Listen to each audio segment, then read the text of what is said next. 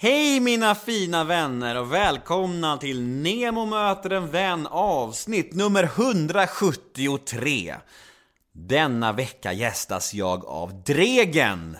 Sveriges enda rockstjärna skulle jag vilja kalla honom. Och, mm, jag åkte hem till Dregen på Södermalm i Stockholm och eh, det var ett, eh, ja, det var ett speciellt samtal för det är inte ofta jag träffar eh, Musiker träffar jag ibland, men rockartister träffar jag aldrig. Så det var en helt ny värld för mig och eh, därför var det extra intressant att få höra om hans karriär och hur faderskapet förändrade honom och han var ju med i tsunamin och det finns en massa historier och Nej, det var häftigt. Det var verkligen, man fick, man fick hänga med på en riktig åktur, en riktig berg och dalbana genom en rockstjärnas liv. Det var coolt. Så jag hoppas ni kommer gilla det här också, för jag tyckte det var, jag tyckte det var jävligt härligt bara.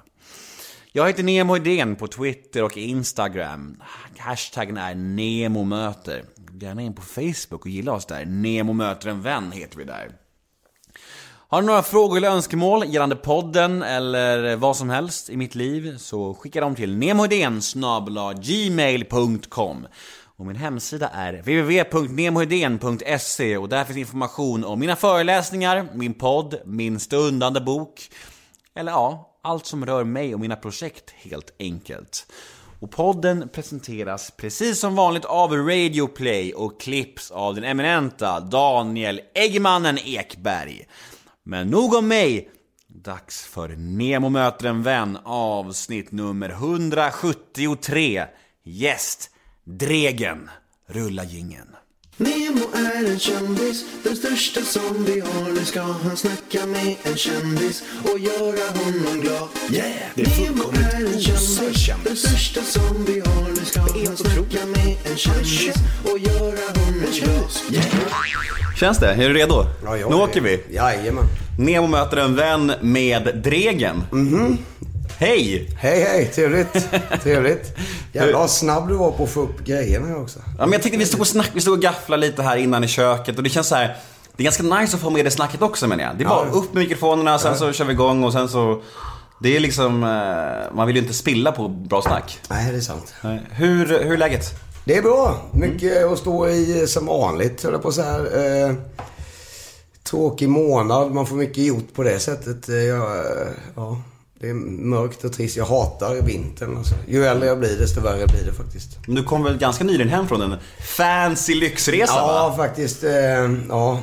Men å andra sidan, det var liksom första semestern på nästan eh, ett och ett halvt år eller något sånt där. Jag var en månad i Vietnam Okej. med familjen.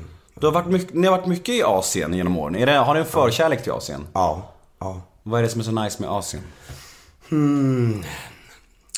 Jag tycker att det är...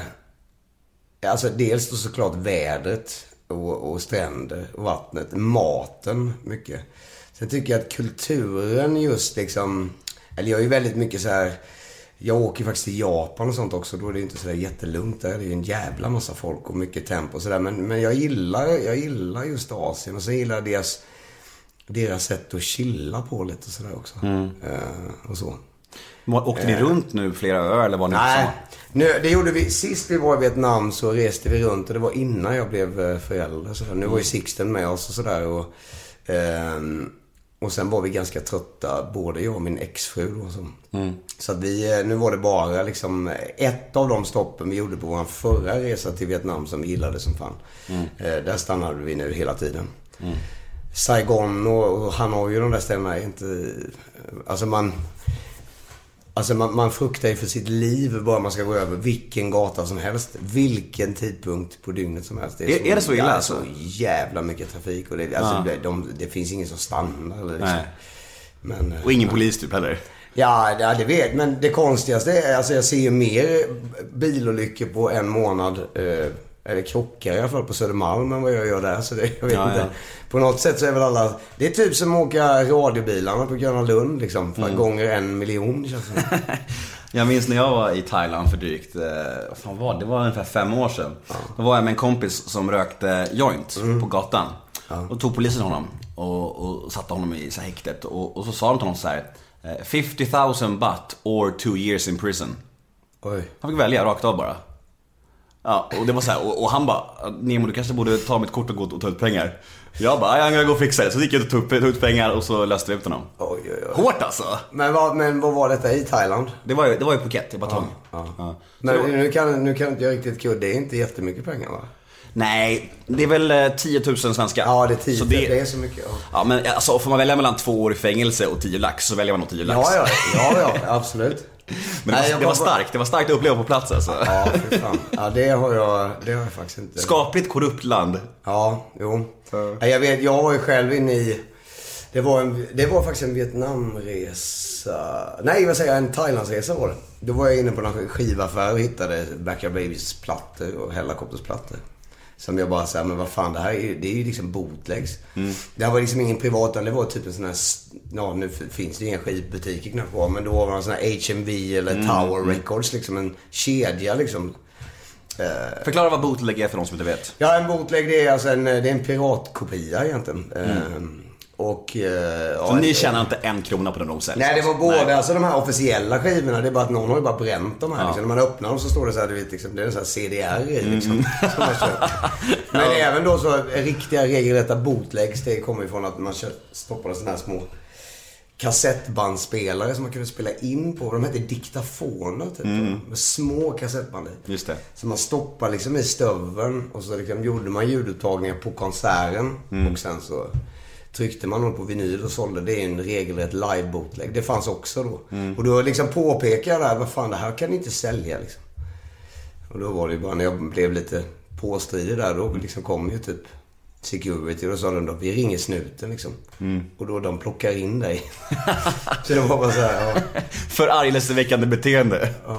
Man har, man har... Nej, men så, så där är det lite. Asien är ju lite dålig på det. Alltså för, för att Japan är ju ett jävligt uppstyrt land sådär egentligen Mm, på pappret. Men där är de också ganska mycket med bootlegs när det gäller alltså merchen, tröjor eller vad som helst. Mm, men just Thailand känns väldigt korrupt alltså, tyvärr. Eh, Men, men det är ju inte hela Asien för det liksom. Nej. Eh. Min polare, eller jag och en polare, spelar bas i Guns N' Roses. Uh, Duff McKagan. Han, han var i Shinjuku i Tokyo. Eh, och uh, bara gick också förbi någon affär där de har liksom tusen Guns N' Roses tröjor i skyltfönstret. Det, det, är liksom, det är bara så här hemmagjorda typ bootlegs. Han på, går in och påpekar med att vad fan det, det är inte riktigt sådär liksom. Där får ni inte sälja egentligen. Nej. Han blev också liksom utkastad med huvudet för och Jag De kände ju inte ens igen men han fattade inte vem han var liksom. Det är ändå bra name drops. här. Min polare, basisten i Guns N' Roses. Du får gärna fortsätta med de name droppen under intervjuns gång. jag, jag, jag gillar det, jag gillar det. I get set på, ja, jo men vem då? Vem? Ja. Ja. Ni skulle hälsa om ni möttes. Det, det räcker. Det Ja, räcker. det skulle vi. Ja, du ser.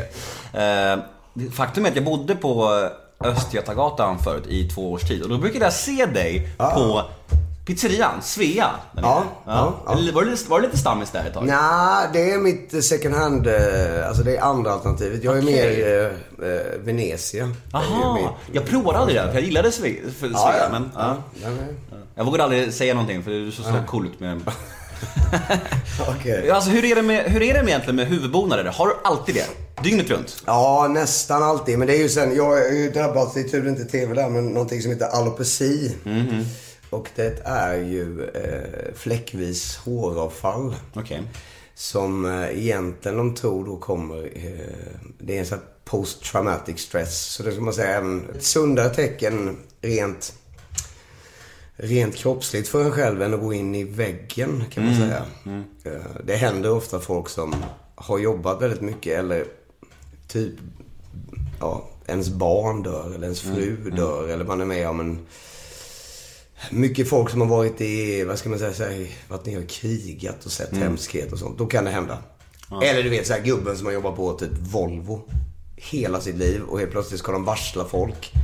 Och han blir av med jobbet och sen bara, ja, då eh, kan man bara så tappa håret. Fick du någon förklaring på varför det hände dig? Ja, det är väl det att jag har väl aldrig egentligen tagit med, nu kommer det Thailand, jag var ju med i tsunamin också då som, eh, vad var det nu, 2004 eller något. Vi skulle egentligen komma till det senare, men vi Jaha. kan ju damma av det nu om du vill. Okej, vad- ja nej men just det där och... nej, men jag försöker, jag är väl en kille som, som försöker på något sätt ändå se positivt i, i allt egentligen. Så för mig var det att jag är glad att jag sitter här då. Men någonstans så bearbetade väl inte jag riktigt det där. Utan jag åkte direkt från den semestern till en USA-turné tror jag. Och liksom bara... Och sen just då min, min pappa gick bort tid när jag var ung. Eh, och kanske inte riktigt har bearbetat det heller. Det, är, eh, det är väl någonting jag borde ta tag i framöver liksom med... Jag är lite av den där kanske att jag bara knyter liksom näven i fickan och går vidare liksom. Lite huvudet i sanden. Ja, lite så.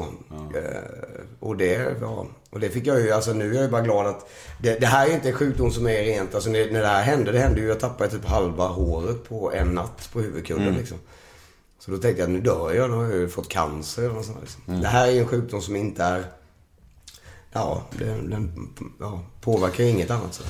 Men det där är så jävla intressant hur kroppen och skallen reagerar på, på traumatiska saker. Hur olika det är för människor. Alltså jag var ju med om en tågolycka för drygt 10 år sedan. En kompis dog framför mina ögon.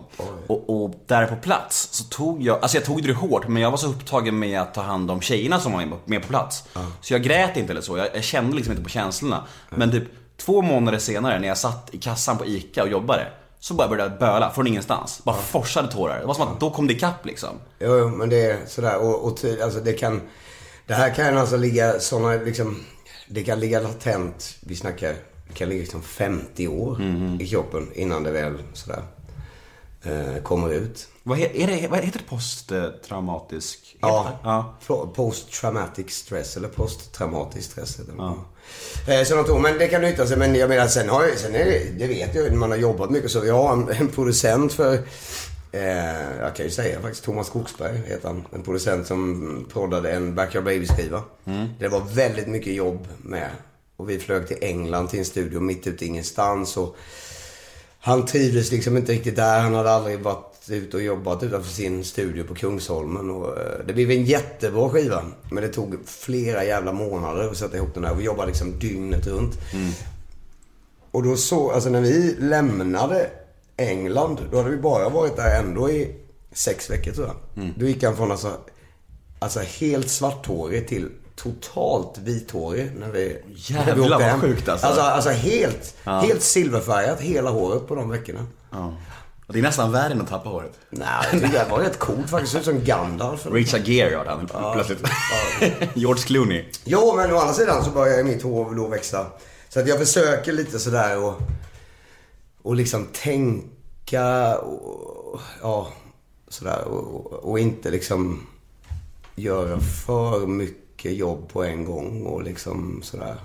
Men alltså nu, nu du, har du svårt att säga nej. Jag menar såhär, du hade ju ingen koll, du sa det innan nu, att du hade ju ingen koll på vem jag var alls. Men sen så var dina polare som sa att jag var ganska stor. Säger du ja till allt? Är det så för att du har, känner att du har en plikt att göra det? Eller hur? Ja, jo, jag skulle nog ljuga om jag säger eh, att jag säger nej mer än säger... Jag säger ju ja mer än nej. Och det är en helt annan sak, för det är lite av min... Mm, vad ska man säga?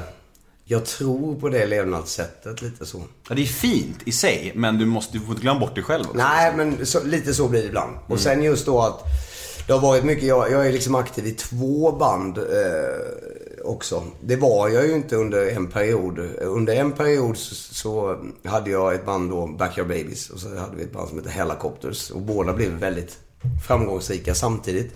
Vilket var så här lyxproblem egentligen. Så det var ju, det var inte det att vi blev osams och jag slutade. Alltså jag var tvungen att välja för det gick inte att få ihop det liksom. Eh, och sen har det varit lite pauser på 8-10 år med olika... Eh, med, med just Hellacopters-projektet då. Eh, och nu är jag med där igen. Så vi är, det är jättekul men nu är jag liksom tillbaks i ruta ett igen. Where it all started. Ja, och det kän, men det känns jättekul. Men, men, men sist så var det också jävligt. Det var jobbigt liksom. Men nu, nu å andra sidan så har vi kommit en bit liksom på karriären där vi kan liksom välja lite mer och, och ja, turnéperioder och sådär. Just när det här var som värst, då var det lite så att det var två band som breakade. Man, man tog liksom alla jobb man kunde få lite sådär liksom. Eh, ja. Ja, vi kommer tillbaka till det lite senare. Ja, ja. Men, men just det här, en, en sista fråga om det här med huvudbonader och håret. Eh, Är, det, är det någonting du skäms över? Eller visar du upp dig hur det är nu? Eller tycker du det är jobbigt? Eller? Nej, nej jag tycker, alltså, nej, jag tycker inte det är jobbigt. Det är just det där att, att Att jag, jag tycker det är snyggt med huvudbonader, men just att... Eh, det, det är liksom, just rockmusik tycker jag är jävligt förknippat med hår också liksom. Sen är det det att det är rent personligt, jag tycker inte det är så himla snyggt på ett rockband med liksom... Jag har aldrig varit någon sån här oj. Jag har aldrig liksom... Jag har inte så många skinheadplattor här heller. Så att, så att liksom... Ja men det är ganska förknippat med hår och sådär så att... eh, Ja men det är nog någonstans så, så vill jag... Det finns ju förhoppning om att jag liksom ska få tillbaka min... Men kommer det växa ut igen? Ja, de tror det. Ja, de tror det. Mm, mm. Ja, men då håller vi tummarna. Ja. Ja. Men, men å andra sidan, det är bara hår. Ja, men vad fan, precis. Så det, det är inte... Du överlevde ja. tsunamin, mannen. Det är Ja. bara hår. Ja. Var kommer namnet Dregen ifrån? Oj. Fan, den frågan är nog faktiskt genom Tina den jag har fått mest egentligen. Och det är- och det är- Originellt Nemo, bra, bra. Ja. Ehm, och den brukar vara lite mer så här faktiskt. ehm, den är lite mer så när man gör en intervju med så här Borås lokaltidning och sånt. Nu, nu dissar du mig indirekt här. Ja. Men grejen är så här, med mina Nej. poddar, att jag blandar frågor Ja. från, lyssnarna, från, ja du vet. Jätte, ja men alltså, eh, och det, det som är pinsamt för mig det är att liksom, den jag har fått mest det är den jag inte riktigt kan svara på för att jag vet faktiskt inte själv. Okej, mm. Jag heter ju Andreas. Eh, och sen mina första skolböcker så står det liksom Degen. Eh, och, och liksom det enda jag, så jag kommer faktiskt inte ihåg. Och det enda som jag liksom kan få det till är liksom att det är an, D-R-E, ass. Det finns liksom DRE som Degen, Andreas. Det är de enda liksom... Ja, så jag har faktiskt ingen aning. Och det är inte så att det fanns liksom så här hundra Andreas runt mig så att man... Du vet, ibland när man växer upp med, med så här 17 Peter så blir det alltid någon som får bli liksom... Ja, fan vet jag. Precis. Något sla, liksom smeknamn. Alltså, jag vet inte faktiskt. Så du, kall, du kallades Dregen hela livet och sen så när du gifte dig, då satte du Dregen som efternamn. Ja, precis. Eller ja, vi gjorde ju det. Det var ju, alltså min, min fru då jag är gift med hette ju Pernilla Andersson. Eh, som också då är musiker. Hon heter ju Pernilla Andersson som musiker. Så att, eh, och sen var inte hon så, jag hette ju Svensson innan hon. Så att hon var inte alls peppad på att heta Pernilla Svensson. Och när jag började känna på så Andreas Andersson. Då kändes det så här, fan- Fotbollsspelaren ju. Ja, det, kän, ja. det, känns, ja, det känns lite som så här, någon så här division 5-lag. Någon så här dålig ytterback eller sånt där. Nej, och då, då tänkte vi att, ja vad fan, jag har ju blivit förknippad med detta hela livet. Så att då ansökte vi om ett nytt efternamn. Så att det är ju liksom ett nytt släktträd. Så det är ju egentligen bara, det är bara jag, ja, Pernilla och min son Sixten då, som heter Sixten Dregen. Alltså det, vilket jävla coolt namn. Sixten Dregen. Ja. Stencoolt. Ja. Eh, Ja, men, att- men, men Pernilla heter fortfarande det, trots att ni har separerat. Ja, hon heter Pernilla Andersson Dregen. Ja. Jo. De kommer inte göra som eh, Laila Bagge då och heta typ såhär, vad, var det Laila Bagge gjorde? Hon var gift. Hon var först gift med, med Anders Bagge, tog det namnet. Sen, sen gifte hon sig med någon Wahlgren. Och då hette hon Laila Bagge Wahlgren. Och nu har hon skilt sig från Wahlgren och heter ändå Laila Bagge Wahlgren. Så hon har tagit två efternamn. Tänk om hon hittar en ny man. Vad ska hon då heta? Laila Bagge Wahlgren Uggla. Ja. Ja, jag ger mig fan om hon skulle hitta någon, jag vet inte, i, någon, i Hitlers gamla släkt så skulle hon... Hoppas inte hon hör det här. Gud vad elakt det här kändes. Förlåt Laila. Du får gifta dig med vem du vill. Ja, helst någon i Hitlers släkt. Laila Bagge Wahlgren Dregen. Där har vi den. Det kommer fan aldrig hända kan jag säga. Inte under pistolhot. Det var inte så att våra, Ja. ord, det var inte så att våra ord om Laila blev bättre efter det där. Nej, det är sant. Nej, I'm sorry. Nej, men jag, jag, fan, jag gifte mig hellre med, med vad heter gamla, vad heter han då? Anders. Bagge? Ja. Mm, Du ser, men han är ganska mysig. Ja, den är kramgod. Måste man säga. Men okej, nu är det, nu är det ändå ganska, nu är det ingen turné så just nu. Nej. Nej, hur Ja, eller ja, jo, eller, nej, det är det inte. Relativt lugnt, för att vara du är det ändå. Hur ser en vanlig dag ut i ditt liv när det är så här relativt lugnt liksom? Ingen turné eller så här. Då är det eh, dagislämning på morgonen.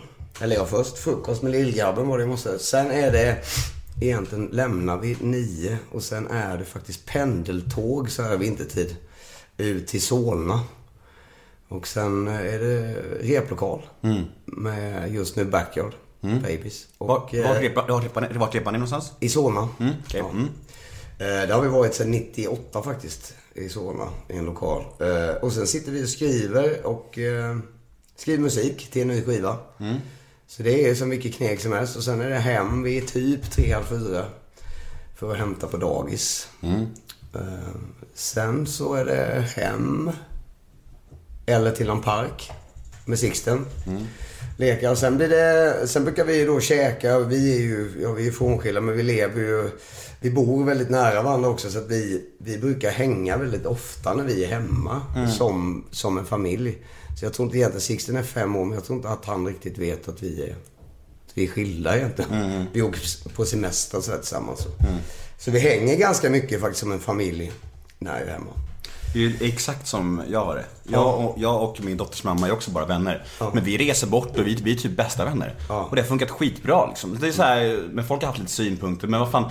Det viktigaste är ju att föräldrarna mår bra och alla vet vad som gäller. Sen så kan det ju se ut hur som helst egentligen. Ja, jag tycker det. Ja, speciellt. Ultimat tycker jag. Alltså, Det är så mycket barn som mår så dåligt över att föräldrar har något gammalt jävla jox liksom. precis. Så att... Eh, nej, så, att så, så ser det ut liksom. Eh, och sen... Eh, ja, och så där ser det ut. Hela dagarna. Men, men ja, sen är lediga då helger. Brukar vi vara lediga från jobbet och så. Men när det är intensiva perioder, då jobbar vi ju... Då jobbar vi sju dagar i veckan med att skriva och sånt där.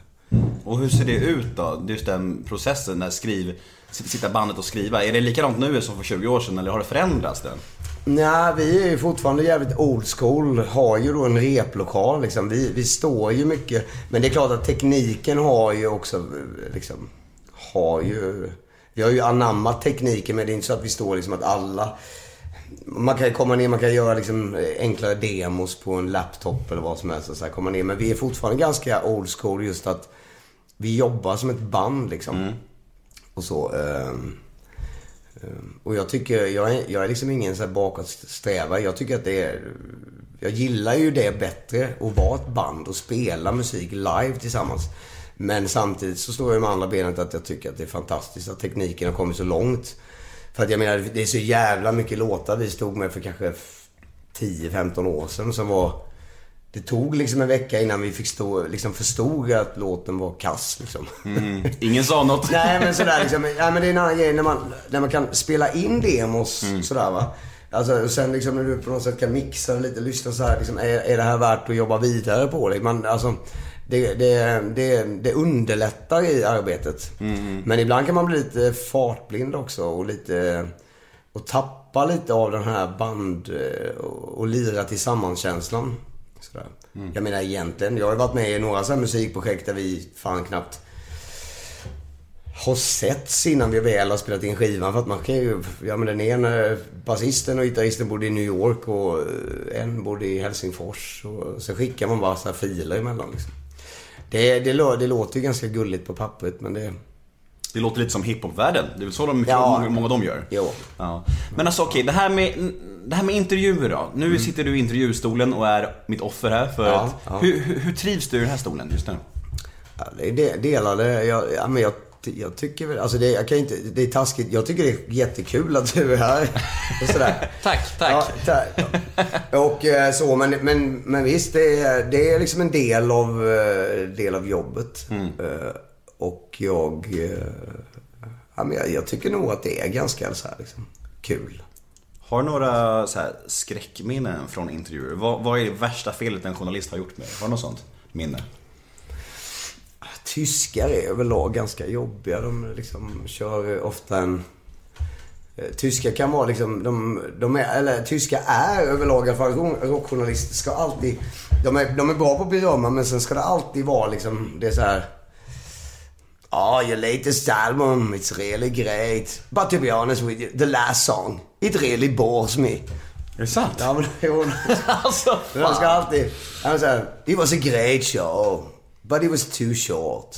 Men Men det, är, det- det är alltid någon så här lite, would be more perfect for me. De Är det inte lite som att säga så här, Fan alla har så svårt för dig, men ja, jag gillar dig. Det är Ja, lite samma sak så här. Ja, ja, jo, Ge ja. komplimang med klacken liksom. Ja, jo, men så. Nej, men, men, men, det, är väl, ja, men det är väl lite mer så här, det som blir jobbigt både för, för eh, mig som intervjuoffer och journalist kan man hamna ibland också att det man märker att skivbolaget någonstans på en turné har ju de har ju bara skickat den till någon liksom, tidning som har tackat ja till en intervju när man sitter med en person som, alltså, hon eller han eller, eller hen har ingen aning om vem, vem jag är eller vad vi...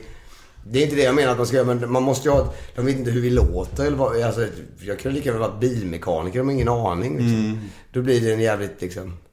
Awkward stämning liksom. Ja. Och det, är inte, det- och det är inte personens fel heller ju egentligen. Det är någon chefs fel någonstans. Ja. Eller någon skivbolags fel eller någonting. Ja, men så att nu, jag, nu slungas jag tillbaks här igen där du sa liksom, tackar du ja till allting? Det gör jag ju faktiskt inte för jag, jag sållar väldigt mycket just, just nu för att det, nu skulle man egentligen kunna jobba heltid med bara på något sätt göra sånt här. Det finns 50 miljarder tusen poddar och det finns allt möjligt liksom. Ehm, och jag orkar inte riktigt. eh, Prata om dig själv. nej, lite så. Lite absorberande va? Ja, alltså Head over to Hulu this March, where our new shows and movies will keep you streaming all month long. Catch the acclaimed movie All of Us Strangers, starring Paul Mescal and Andrew Scott. Stream the new Hulu original limited series We Were the Lucky Ones with Joey King and Logan Lerman. And don't forget about Grey's Anatomy. Every Grey's episode ever is now streaming on Hulu. So, what are you waiting for? Go stream something new on Hulu. Hey, I'm Ryan Reynolds. At Mint Mobile, we like to do the opposite of what Big Wireless does. They charge you a lot, we charge you a little. So naturally, when they announced they'd be raising their prices due to inflation, we decided to deflate our prices due to not hating you. That's right. We're cutting the price of Mint Unlimited from $30 a month to just $15 a month. Give it a try at mintmobile.com slash switch. $45 upfront for three months plus taxes and fees. Promo for new customers for limited time. Unlimited more than 40 gigabytes per month. Slows. Full terms at mintmobile.com.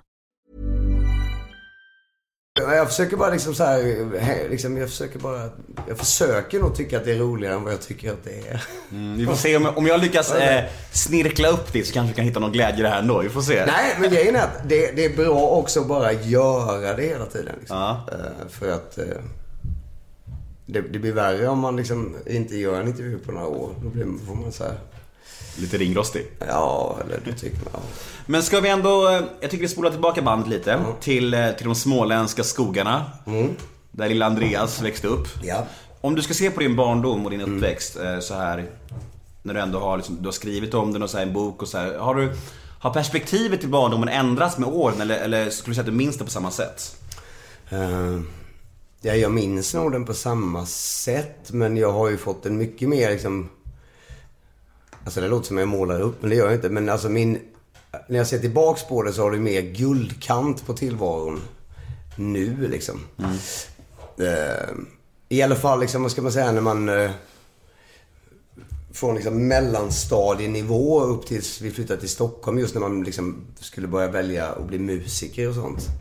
För att när vi, när vi bildade vårt band, så, det är samma fyra snubbar faktiskt fortfarande i Backyard Babies. Eh, vi firar 30-årsjubileum nästa år. Mm, mäktigt. Ja. Då var det ju att vi... eh, Då betydde ju liksom Nässjö... För oss, det var ju liksom så här hatstaden liksom. Där, där man bara... Så att mycket av... eh, var ju inte just bara att vi skulle bli rockstjärnor och spela musik. utan Det var ju bara att man skulle kunna liksom lyckas komma därifrån på något sätt liksom. Eh, och nu ser jag tillbaks på det som att nu älskar jag ju att... För att jag tror inte vi hade varit där vi är idag om vi kanske hade varit födda i Stockholm. För det hade funnits så jävla mycket andra saker att göra när vi var 13-14 än att hänga i en äcklig, svettig replokal hela dagarna. Det var ju på något sätt det roligaste som fanns där att göra. Och här tror jag nog att vi hade, fan, då hade man ju hungrig, liksom, jag vet inte, hängt på Gröna Lund och liksom varit ute på, liksom. Och, och sen tror jag inte vi hade pallat med varandra heller för att vi, vi är inte liksom, så, liksom, vi är inte exceptionellt duktiga musiker så. Det är att vi liksom har blivit, fått något sound tillsammans och sådär. Så då hade man säkert, i Stockholm hade man hittat någon som är mycket bättre på gitarr eller på trummor eller någonting och så bytt ut folk och sen så visade att de var bättre på att spela gitarr men de var ju fullständiga idioter så det går inte att umgås med dem. Och, sådär. och det, det har man ju också märkt att hålla ihop ett band i 30 år. Jag menar vi står på scen i en, max en och en halv timme liksom. Och sen ska man slå ihjäl de andra 22 och en halv timmarna. Eh, och sådär. Och, och jag menar, ska man ligga ute länge och turnera liksom, under så många år så... eh, då, då är ju alltså 50% i musiken men, men för att kunna göra det så måste det ju funka rent liksom, vad ska man säga? Det måste ju limma rent. Personkemin måste ju limma också. Och det är, ganska, det är ganska svårt tror jag att hitta. Men lät du eh, dina närmsta kollegor, Nicke till exempel, och och de här, lät du dem läsa igenom boken innan du släppte den? För att se att, Nej för fan. det, jag hade ju aldrig fått släppa den där. är det så? Hur var reaktionerna från dem? Nej, det vet jag inte. Vi... Det vet du visst. Nej, det vet. Vi, Har de vi... läst den? Ja, nej, det vet jag faktiskt inte. Det är klart de måste ha gjort. Har ni, inte- har ni inte snackat om det? Nej. Det är ju helt sjukt. Vad fan? Där snackar vi huvudet i sanden, strutstricket. Jag ska säga det, det är helt sjukt hur under 30 år tillsammans så har vi faktiskt aldrig haft liksom ett handgemäng. Vi har liksom aldrig slagits eller något sånt där. Vi har varit jävligt nära säkert och, och, och det, har, det har skrikits och kastat grejer och sådär. Men, men det, det, det är också bara en fördel men också en nackdel. Det är lite som med, med mig som jag, jag tror att all, alla vi fyra är lite så att vi liksom vi går och irriterar oss på saker men så går vi bara liksom och knyter näven i och, så, och så får det liksom Får det liksom bara, jag vet inte, pysa ut. Men någon gång kanske så här pyser över. Men, men Jag kan verkligen se det framför mig så här. Du kommer till replokalen och boken är släppt och, och, och Nicke bara Ja du den där boken, du bara Ja, jag vet. Och så bara snubbar, nej vi snackar inte om det. ja, li, lite så är det. Men, men just när den kom så hade vi faktiskt ett, eh, ett break då med bandet liksom under fyra år. Ehm, så att... eh, men sen blir det också att när man har på så länge så blir det lite som... Jag är ju ensam barn. Eh, Men de andra fyra i bandet blir lite som mina bröder på något sätt. Liksom. Det har gått så lång tid så det blir som familj liksom. Det blir så, här så att jag menar såklart om Johan, om han precis gör någonting som jag vet han har 100% fel i.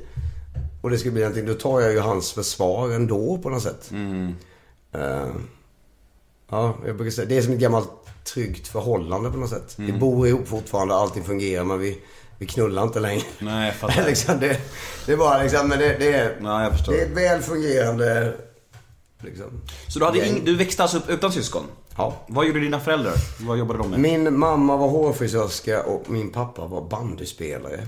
Bandyspelare? Ja, han var på elitnivå så att säga. Jaha, vad, vilket lag spelade ni? Nässjö IF. Okej. På den tiden. Nu ligger de nu är jag så dålig på bandy, men jag tror de ligger någonstans i mitten på, i allsvenskan. Mm. Vilket nu då är divisionen under elitserien. Mm. Ehm, Men det låter ändå, för mig låter det helt främmande att man skulle kunna försörjas på bandyspelare på 80-talet liksom i Sverige. nej, det här är snarare 70-talet, 80-talet. Ja. Ännu mer främmande kanske? Ja, nej men jag tror nog att bandyn då var det, fan, det var ju jättemycket folk på det. Det var större då, alltså? Ja, det var det. det, var det. Ehm, ja, och hans eh, två bröder var ju också bandyspelare i, Aha. i det laget. Sådär. Ehm, ja.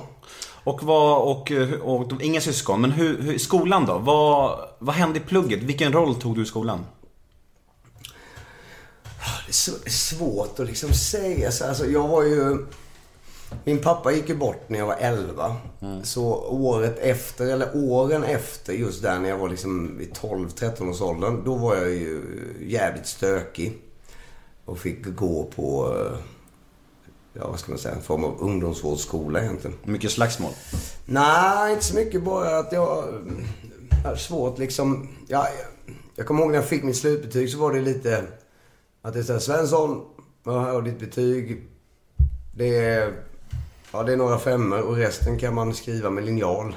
Så, så att det var mycket så här, jag har varit mycket sådär, jag är fortfarande egentligen att om jag intresserar mig för någonting då är jag verkligen intresserad. Men om det är någonting som inte intresserar mig då, då, liksom, då skiter jag helt i det. Sådär. Fan vad jag känner igen det där. Ja, och så. Ehm, och sådär. Men, men, det, men, men det där gick ju... Å andra sidan så lärde jag mig så otroligt mycket. Och jag, jag hade en lärare som hette Lars-Åke Öling, kommer jag aldrig glömma. Och han hade väl bara fem elever eller någonting. Det var ju bara fem elever som gick där. Ehm, och jag lärde mig på två veckor vad jag gjorde på en hel termin i matte säkert. Sånt där. Han, var, han var jävligt liksom... ehm, Pedagogisk? Ja, och fattade liksom eh, oss. Han var jävligt cool och sådär. Då hade jag börjat måla graffiti mycket och sånt där. Och han bara så här, en dag så stod det bara så här, liksom två så här, drickabackar med, liksom, med sprayfärg. Ja, nu ska vi åka hem till mig. Så hade de liksom någon sån här nere i deras källare i deras villa hade någon slags, liksom så här, jag vet inte vad det var, men typ så här med bordtennisbord och lite, det var någon form av lekrum, gillestuga. Så. Så fick jag bara gå loss och måla graffiti i hela hans källare liksom. Så. Han hade en konst att lägga sig på samma nivå som en kan man säga. Så. Ja, men lite så här, han tyckte att, ja, men han ville ju för att han ville ha det hemma liksom. Han tyckte ju att vi, han tyckte det där var bra det vi gjorde liksom. Eh, och snyggt. Ja. Men, men alltså när, när din far gick bort, var det, din reaktion då och din mammas, var det, var det mest sorg eller mest ilska skulle du säga? Um, Jag var lite för... Jag var... Alltså jag hade lite... Det är det jag försöker säga. Det är liksom... Det är för jävligt det som har hänt med min far och så. Men hade jag varit liksom... Hade jag varit fem år gammal. Då tror jag att det hade kommit mer nu. Att jag, för att då hade jag varit så liten så att då hade jag börjat undra över saker nu. Jag var ändå så pass gammal så att jag kommer ihåg. Men jag var ändå så pass ung så att jag inte var... Om vi säger att han skulle ta livet av sig när jag var 15 istället. Då kunde det gått käpprätt åt helvete för mig säkert. Eh, Så jag var liksom precis mellan att jag var, jag var inte barnbarn men jag var ju liksom inte, jag var ju inte vuxen heller och jag var precis innan jag var i puberteten typ liksom. Så att det var ändå en ganska bra, om man nu ska se det jävliga liksom, grader i helvetet så, så var det ändå en ganska bra tid. Så att jag kan inte riktigt, det var nog blandat liksom sorg och, eh, och ilska. Ja, jag- jag- alltså mycket av min, vad man nu ska säga, min jävla anamma och inte ge sig på något sätt har nog genomsyrats väldigt mycket av min pappas eh, grej. Det, är- det är någon slags grej jag liksom ska bevisa på något sätt för folk att, att jag kan på något sätt och sådär. Ehm, och samtidigt då på, försöka se positiva saker i allt. Så min mamma och jag kom ju liksom väldigt nära på något sätt. Och min mamma har ju... Ja, nu när jag själv är förälder så liksom, herregud vilket jävla hon liksom ställde ju upp på allt liksom som... Eh, mina konstiga idéer och liksom det här med, alltså hon har aldrig ifrågasatt liksom jag bara, men jag ska bli rockstjärna, jag ska bli musiker liksom. Hon har alltid varit såhär, ja för fan, kör liksom. Fint ändå. Ja, helt fantastiskt fint.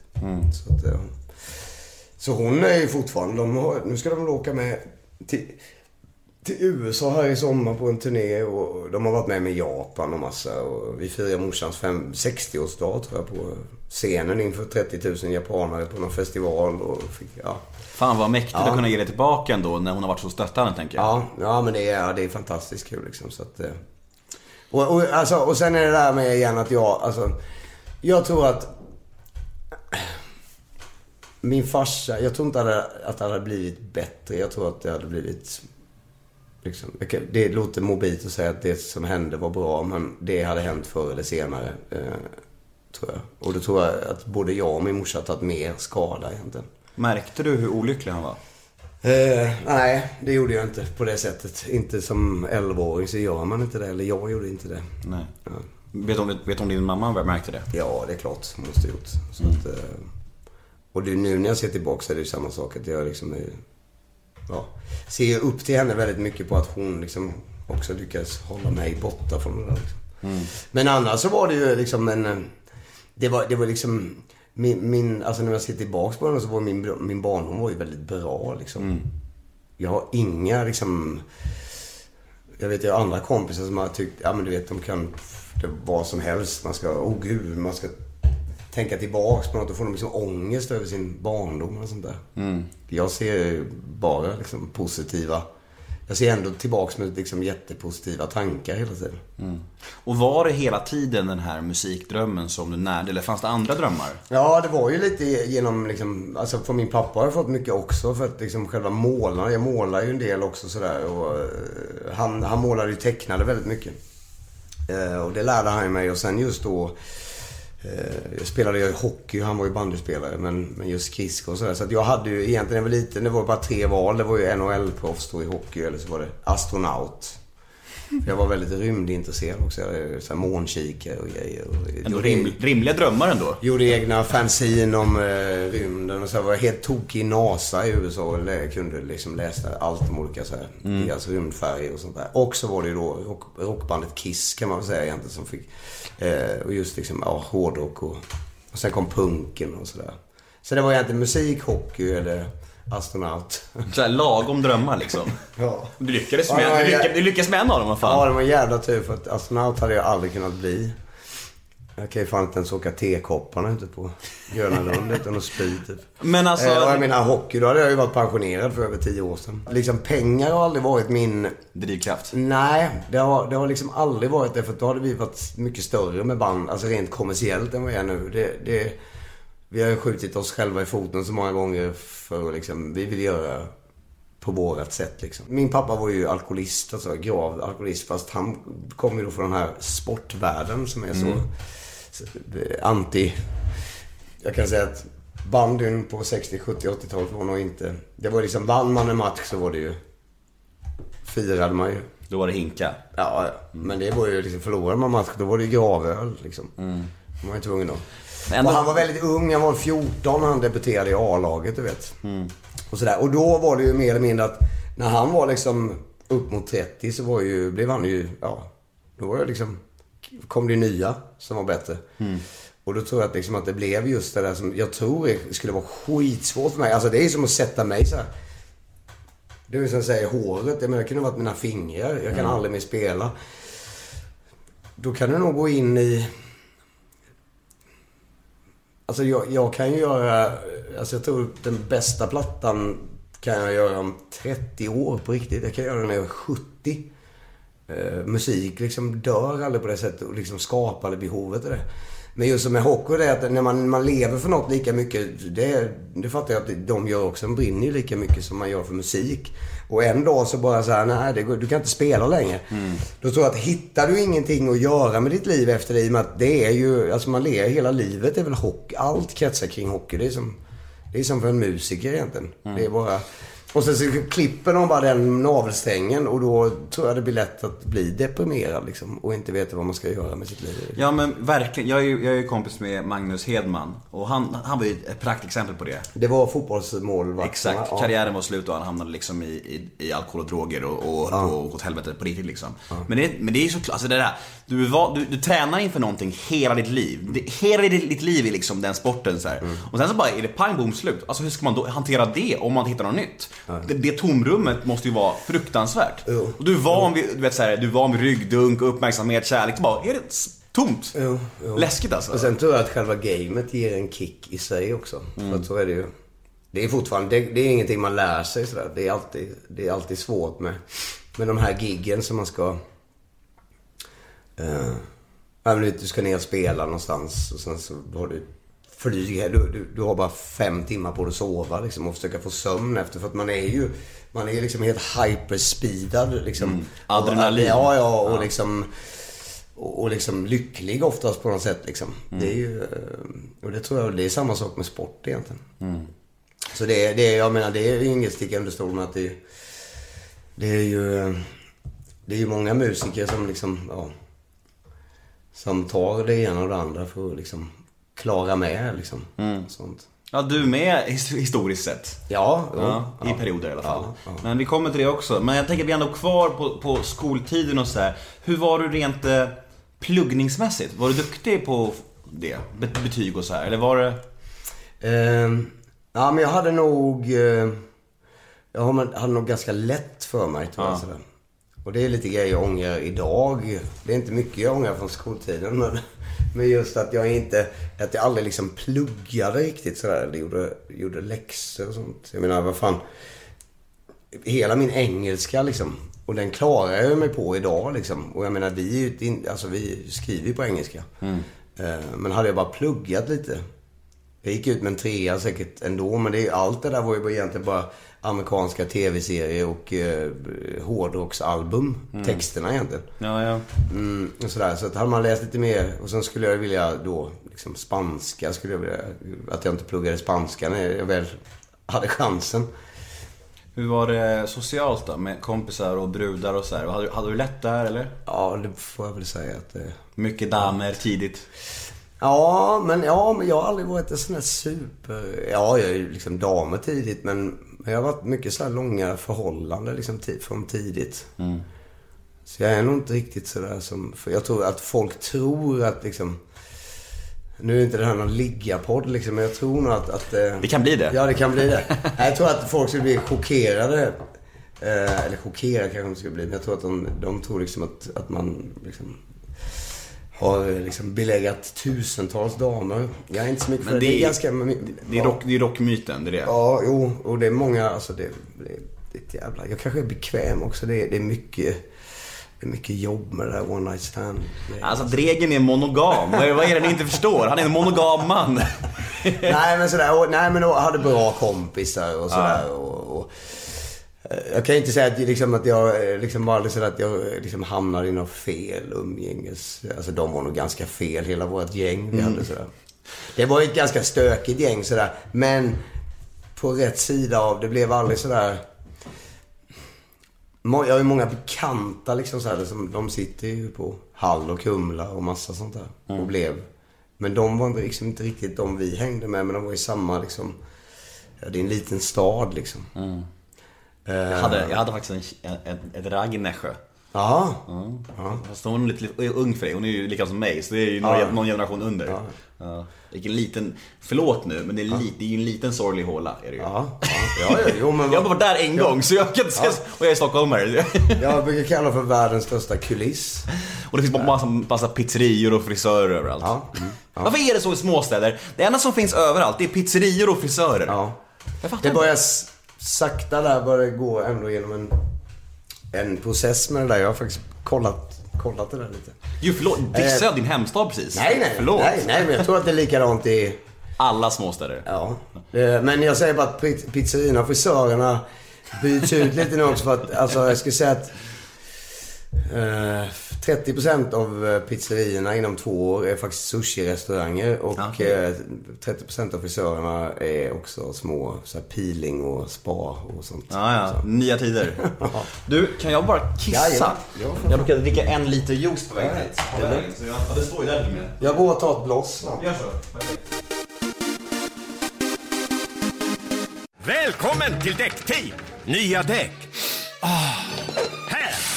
Rätt däck! Och där! Snyggt! Ha! Ja! Där satt den! Easy peasy! Kör säkert med japansk däckteknik. Yokohama, det säkra alternativet. Däckteam, vet vilka däck du behöver. Nu presenterar Max en lagom stark nyhet. Spicy brioche. En burgare med sriracha-majonnäs, färska grönsaker och gyllenrostat briochebröd. Välj mellan svenskt nötkött, kyckling eller halloumi. Max, Sveriges godaste burgare. Mm, jag vill rikta ett stort tack till mina vänner på Kids Brand Store som är med oss även denna vecka. Och Kids Brand Store har ju kläder för barn och ungdomar och mängder med olika varumärken. Som till exempel Ralph Lauren. Och eh, amerikanska Ralph Lauren började faktiskt sin karriär med att designa och sälja slipsar under namnet Polo. Något som idag utvecklats till ett klassiskt varumärke och näst intill ikonisk logga. Ni vet den där hästpolospelaren som man ser på var och varannan piké i Stockholm. Utbudet till barn och ungdomar är hur stort som helst och du hittar det såklart på kidsbrandstore.se. Och glöm för guds skull inte tävlingen heller. Ni kan vinna ett presentkort på 3000 kronor om ni tar en bild och skriver en skön text om varför just ni ska vinna och taggar Brand Me Up 18. Då är ni med i tävlingen som Kids Brand Store har och ni har chansen att vinna 3000 kronor. Denna tävling sk- sker på Instagram och ni måste ha öppen profil för att vara med. Vi säger lycka till och tack Kids Brand Store.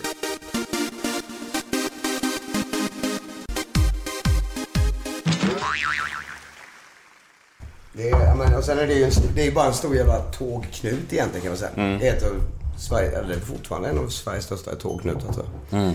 Så att den, är, den är lite som den där kalanka på julafton, du vet när de bara... Eller en Musse Långben, de bara fäller ihop. Uh, nej, vi brukar skoja om att det bara är liksom, när man åker in med tåget, det man ser det är bara kulisser liksom. Ja, det, är, det är den tredje grejen som finns i varje småstad. Det finns en liten ödslig tågstation också. Ja. Pizzeria och frisör och en ödslig tågstation. Ja, ja. Men okej, nu, nu hoppar vi framåt lite grann där. Vi, Gick du gymnasiet? Mm. Gjorde du? Jag är utbildad svetsare faktiskt. Ja, okej. Både jag, Johan och Peder, basisten, trummisen och jag då gitarrist. Eh, Gick i samma klass till och med. Okej, det var så ni träffades? Nej, Nähä. det är sjukare än så ändå. Pe- Peder och Johan, eh, rytmsektionen, basisten och trummisen, de är faktiskt födda grannar på riktigt. Jämte varandra. Sen har de gått Jävlar. ifrån lekis, från ettan till sexan. Och sen så då sex, ja, sjuan till nian. Och sen även då gymnasiet. Vi träffades ju på mellanstadiet redan och, började leka. Så de har alltså varit eh, sida vid sida sedan födseln? Ja. Fy fan. Är de bästa polare idag med? Ja, de är bra. Ja, ja det, för fan, vi spelar ju samma band liksom. Men, men samtidigt blir det ju... Jag tror man gör det, alltså, man gör det på något sätt medvetet också att när man kommer hem från turnén, liksom dagen efter, det, det första man gör är kanske inte att fråga om man ska gå ut och fika med Bandet. Med, med, med alla i bandet. Så, men å andra sidan, så var vi ju liksom... Så var ju vi förr egentligen fram till kanske, ja det nu har det fan gått 15 år sedan det slutade vara riktigt så. Men då var vi ju, när vi flyttade till Stockholm från Nässjö. Då gjorde vi ju slut med, vi är här i Nässjö och då är det så att nu börjar liksom, vi känna att vi börjar få låtar och liksom skicka sådana här då kassetter för alla lyssnare som inte vet. Det är en form av, eh, innan vinylskivan, som ett kassettband. Skitsamma, de, de lät i alla fall. Man stoppade i en liten maskin och då skickade vi ju liksom hundratals till Eh, Och det var ju innan då pre-internet. Så vi gick och köpte massa tidningar och gick till så här biblioteket. Och så kollade man annonser i tidningar. Det fanns så här. Eh, Så vi skickade till allt som hade med musik att göra. För vi bara liksom... eh, Det var inte riktigt så här sniper shooting. Det var mer så här lerduveskytte. Att vi bara liksom sköt hagel liksom och hoppades på att det skulle träffa någonstans. Vi sköt bara mot något mål liksom. Ni var, ni var, det är ju ändå så här, man har ju respekt för sånt. Ni gick den hårda vägen liksom. Ni bara allt, ut till allt liksom. Sna- Snacka om tvärtom mot räkmacka liksom på något sätt. Ja, jo. Hur gamla var ni här? Vi, eh, ja, vi bildade ju, vi kan väl börja med egentligen att jag, Johan, eh, jag, Johan och Peder bildade vårt första band då 87 med en annan sångare. Men sen blev vi Backyard Baby som vi är nu 89 september. Eh, och sådär. Eh, vi bildade då och bestämde oss 89 att vi skulle bli musiker. Och spela med det här och vi tog ut vår första lön 98. Kommer jag ihåg. Åh jävlar. Alltså, hur många år efter? Ja, 89, 98, 9 år? Hur fan försörjde ni er de åren? Ja, det var... Vi hade tur faktiskt då. I och med att vi gick gymnasiet svetsare så hade vi tur att det var en lärare som faktiskt gillade vårt band och såg väl att vi... Vi kommer inte jobba med svets. Någon av oss. Så att han var väldigt snäll när vi började. Say hello to a new era of mental health care. Cerebral is here to help you achieve your mental wellness goals with professional therapy and medication management support. 100% online. You'll experience the all new Cerebral Way, an innovative approach to mental wellness designed around you.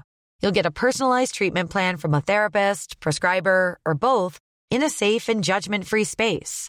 Your cerebral therapist or prescriber will outline a customized plan with clear milestones along the way so you can get to feeling your best. With Cerebral, you're not alone in your mental health journey. We're here to empower you to live a fulfilling life. So take that first step towards a brighter future and sign up today at cerebral.com slash podcast and use code ACAST to get 15% off your first month. Offer only valid on monthly plans. Other exclusions may apply. Offer ends July 31st, 2024. See site for details. Ryan Reynolds here from Mint Mobile. With the price of just about everything going up during inflation, we thought we'd bring our prices down. So to help us, we brought in a reverse auctioneer, which is apparently a thing. Mint Mobile unlimited premium wireless. Ready to get 30, 30, bit to get 30, bit to get 20, 20, 20, bit to get 20, 20, bit to get 15, 15, 15, 15 just 15 bucks a month. So, Give it a try at mintmobile.com slash switch. $45 upfront for three months plus taxes and fees. Promo rate for new customers for limited time. Unlimited more than 40 gigabytes per month. Slows. Full terms at mintmobile.com. på gig och sådär så skrev han ofta att vi var full, att vi var i skolan på fredagar. Men ofta då man fick gig så, så var vi tvungna att åka någon gång efter lunch för att hinna till den staden liksom. Eh, och sådär. Och han, han eh, snackade ju väldigt tidigt med oss att vi skulle liksom anmäla oss till facket. Eh, för att då kunde man få stämpeldagar. När man, så när vi egentligen slutade skolan mer eller mindre så var vi berättigade till stämpeldagar för vi har varit med i facket så länge. Eh, och sen så var det diverse... Vi, eh, vi, ja, vi bestämde oss då att vi skulle flytta till Stockholm. Men för de som inte vet och känner till dig och din historia. Du startade alltså först med de här grabbarna Hellacopters 87, eller hur? Nej, Backyard. Backyard först. Ja, eller ja, det var ett annat band som hette Tyrant. Det, fan, det finns ju bara en demokassett från det. Men eh, 87 hette vi Okej, Tyrant. mm, Sen mm. 89 då Backyard Babies. Ja. Ja. Och där började vi skicka, ja, vi hade ju repat som fan och skrivit låtar och musik. Skickat ut, så började vissa bolag och så, skivbolag vara intresserade. Eh, Sen bestämde vi oss för att vi skulle eh, lite senare då flytta till Stockholm. Det här är då 93, 94. Ja just det, då, då, hade vi, då hade vi fått vårt skivkontrakt med ett Stockholmsbolag. Och de var ju lite sådär, det var också pre typ internet.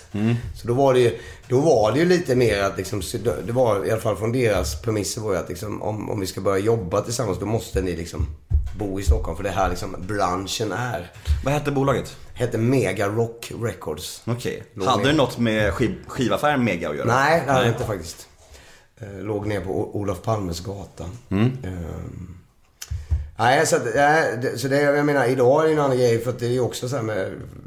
Alltså idag, vi, vi skulle ju typ kunna göra, gjort den här intervjun på, via Skype typ. Eller någonting sådär. Och jag kunde bott i Kiruna typ. Men det är fett tråkigt. Ja. Skype liksom. Ja. Man vill ju ha så här Jo, jo. kontakten Nej, men- jo, och reaktionerna och så här. Jo, nej men i replokalen då så, så gjorde vi, ingick vi bara i någon slags pakt och sa att efter repet ikväll så åker alla hem och gör slut med sina flickvänner. Det är och, sen, och då var det ändå två, två av oss fyra bodde ju alltså tillsammans med sin flickvän i egna lägenheter och sen... Eh, Vilken förebild ni är för, för de unga rockarna. Det, det är det här som krävs. Nej, och sen var det bara liksom... Ja, Ni- Nicky då, det var ju den, den tidens liksom eh, Google kan man säga. Det hette Gula sidorna. Mm, just det. det. var eh, tjock jävla bibelfet telefonkatalog typ.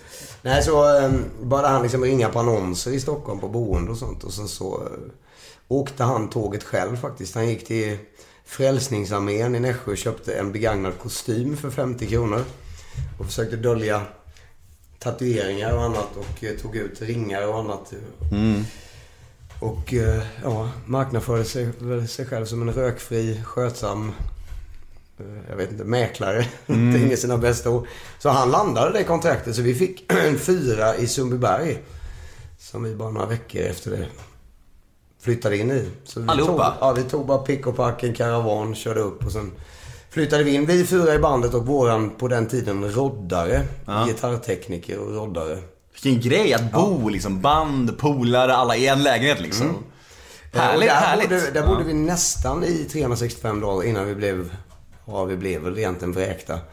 Eh, vi tog ju liksom alla stereos och kopplade ihop till en liksom i Mm. vardagsrummet. Och det var ju liksom all, det var ju alltid någon som var vaken dygnet runt i den. Det var ju så mycket fest och eh, så här. Det var otroligt kul.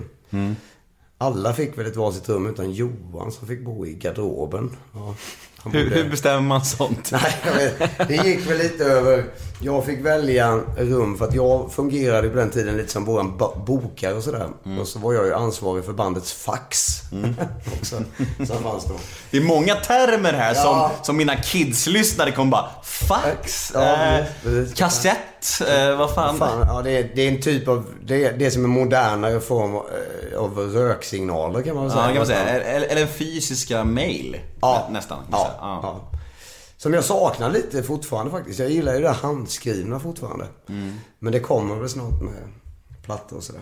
Men Men, det var jävligt häftigt. Det, kommer, alltså, man kan säga det, var- liksom, det var ju ett papper liksom. Så Mm, verkligen. som det var, det var som att det ringer på telefonen. Mm. Fast sen så bara du, du, du, du kommer liksom ut ett papper med någon som har typ handskrivit någonting åt den.